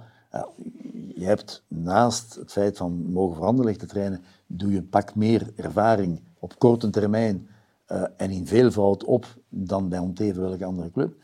En dan dacht ik, ja, dat wil ik wel ten, ten, ten, dienst van mezelf en, van een club. En in feite zijn die aanvragen er uit België weinig of niet geweest. Eh, ik had zo op een bepaald moment de indruk, maar dat was na verloop van tijd, dat mensen zo gedacht hebben, ja, die, die kan zich niet terug opladen voor een andere club. Die heeft bij de top gezeten, eh, waar alles is en wat weet ik nog. Wat dat dus niet het geval is, want, want dus aan een project, eh, daarmee heeft dat niks te, te maken. En het is daarmee dat ik misschien het eerste ehm, i- zelf zo verbaasd was als ik een telefoontje kreeg voor of ik geïnteresseerd was in Kopenhagen. Er was toen ook eh, een quote van u in de pers, eh, toen iemand vroeg, hebt u interesse om eh, bondscoach te worden? En u hebt er toen blijkbaar op geantwoord, ja, dat is geen uitdaging, want George Lekers heeft toch al 90% van het werk gedaan. dus de interesse was er misschien niet om het te doen. Maar dat heb ik niet gezegd, dat heeft hij zelf gezegd. Dus Dat is waar. Je wordt dat seizoen uiteindelijk weer kampioen met Anderlecht. Het is ook meteen jouw laatste seizoen. Je hebt er daar juist ook al over gesproken. Hoe kijk je nu na al die jaren terug op het T1 zijn bij Anderlecht? Vier jaar lang, twee titels. Als je ook vergelijkt met de periode van de laatste jaren. ehm, een beetje hectisch. Een beetje. Nee, daar, daar voel je dat je dus, daar word je geleefd door je job, door de omstandigheden, eh, wat weet ik nog. Eh, die tijd is dus onvoorstelbaar vlug eh, doorgegaan. Je leert heel veel. Ehm, ik heb, vind ik gelukkig weg, de, de, de, de, de gave of de ingeving om, om zaken redelijk vlug wat van op afstand te, te, te bekijken, gelukkig weg. Ehm, verliezen ehm, staat niet in het woordenboek. En in feite is het nooit goed. maar nee, nee, nee, nee. Dat, dat kan cru klinken, maar ik vind dat goed op zichzelf. Dat eh, legt u wel een enorme druk op, maar eerlijk gezegd, en, en objectief niet omdat ik trainer geweest ben, eh, vind ik dat dat moet bij Anderlecht. Dat is heel zwaar om dragen. Ehm, je, je, hebt, eh, je hebt altijd drie doelstellingen. Dat is presteren, dus resultaat, eh, kwaliteit en jeugd brengen. Iedereen weet dat een combinatie van die drie moeilijk is, zo niet onmogelijk. Als je dan al naar twee gaat, soms is dat ook moeilijk om... om maar dus dat, dat, dat een club met het verleden van Anderlecht ehm, dat voorop stelt, vind ik niet meer dan normaal. Dat vind ik niet meer. Maar dat, dat voelde ik toen. Ehm, eh, de supporters zijn veel eisend. De club is veel eisend. Het, het, het management binnenin. Ehm, ik vind dat de spelers die ik eh, ge- gecoacht heb, meestal ehm, ook doordrongen waren. Al is dat soms zwaar om te dragen als speler ook. We hebben gevallen van, van Boussoufa, ehm Biglia, om, om voornamelijk eh, die jongens te, te, te, te citeren, ehm, die, die, die dan toch kwalitatief een belangrijke rol vervullen in, in, in die ploeg, in die club. En die desondanks ja, in twijfel getrokken worden. Dus dat frustreert, dat frustreert u. Maar langs de andere kant toont dat aan, dit is het niveau, dat willen we aanhouden. En dat sleurt dan wel iedereen mee. Je lijkt mij een persoon die warmte, respect en het persoonlijke misschien wel belangrijker vindt dan de gemiddelde trainer. Eh, in die zin is een match met Anderlecht misschien wel des te moeilijker geweest voor jou. Of ik miskijk mij en je bent gewoon een prijzenpakker. Nee, nee, nee. Je, je, je, je- weet wat van jou verwacht wordt. En, en eh, ehm, ik ik vind vooral, eh, dat houd ik altijd mezelf voor, dat is, dat is geen probleem. Je werkt eerst en vooral met mensen. ehm, en dan met, met, voet, met begenadigde voetballers. Dus eh, als je niet, ehm laten we zeggen, die, die relatie van welke aard ook met, die, met, die, met de spelers hebt, dan, dan vroeg of laat klikt het ook niet meer ehm, ehm, sportief. Ehm, het is natuurlijk zo dat je, daar betrap ik me nog vaak op, en dat, doet pijn, dat je dus ja, sleutelmomenten hebt, waarbij dat je het gevoel hebt dat je dus de club in de steek gelaten hebt, en jezelf. Ja, dus ik zeg maar, de, de dingen, de, de, de, twee, de twee testwedstrijden tegen, tegen Standaard, voor, hetzelfde geld eh, is dat wel zo. En dan verandert het heel wat naar, naar mij toe en, en natuurlijk voor de club ook. Ehm, eh, hetzelfde voor, voor Partizan. Ik denk nog meer Partizan dan wel eh Bate Borisov. Ehm, en eigenaardig genoeg, ik ben een heel sterke realist. Dat wil daarom niet zeggen negatief ingesteld. Ehm, maar dat blijft me achtervolgen. En ik wil niet zeggen dat dat een, een, een ja, dat is een smet. En, en dat vind ik nog altijd enorm ehm, moeilijk om, om, om te verwerken. Al moet je dat leren verwerken omdat je sportman bent. En je weet, je begint eraan, er is winst of verlies. Zo simpel, zo simpel is het. Maar eh, ja, dan had het alsnog anders kunnen lopen. Er was nog een, eh, een vraag die terugkwam van eh, de persoon met de prachtige naam Sporting Cat. Die zei, zou meneer Jacob zichzelf nog kunnen zien functioneren binnen het huidige Anderlecht? En zo ja, in welke rol? Mijmer je daar soms over als je s'avonds gaat slapen, bijvoorbeeld? Nee, maar Ik heb gehoord dat hij slapen. volgend jaar overpakt van Company, maar dat mocht weer nog niet vermelden. Knip. Nee, eh, niet gaan, gaan, gaan slapen. Dat, dat is niet abnormaal dat je erover gaat nadenken. Maar ehm, ten eerste denk ik dat je aanzien wordt, ik zeg wel aanzien wordt als voorbijgestreefd.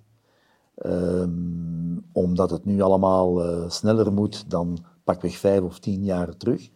Ehm, het, het, eh, de digitalisering heeft zich geïnstalleerd en is een goede zaak, dat geef ik terug toe. Daar neem de- zelf aan deel, maar misschien maar voor 10% daar waar het op 100% draait. Of dat altijd een goede zaak is, want ik volg alles nog, niet, niet, niet in het bijzonder Anderlecht, maar ehm, je, voelt dat die, die, die, het belang van data in de voetbalwereld heeft zijn intrede ge, ge- ge- ge- gedaan. Maar nu voel je wel al dat je oversteld wordt met te veel data en dat men niet, niet goed wijst meer raakt. eh, wat kunnen we nu vertrouwen, wat kunnen we niet vertrouwen, wat moeten we, wat moeten we, wat moeten we volgen. Ehm, dus eh, Dat is een wereld waarin dat je niet meer jezelf zou herkennen, misschien. Of niet toch 100%. wel, want, want eh, ik moet zeggen, dat heb ik wel ervaren een beetje als een handicap. Eh, laat staan maar tien jaar terug.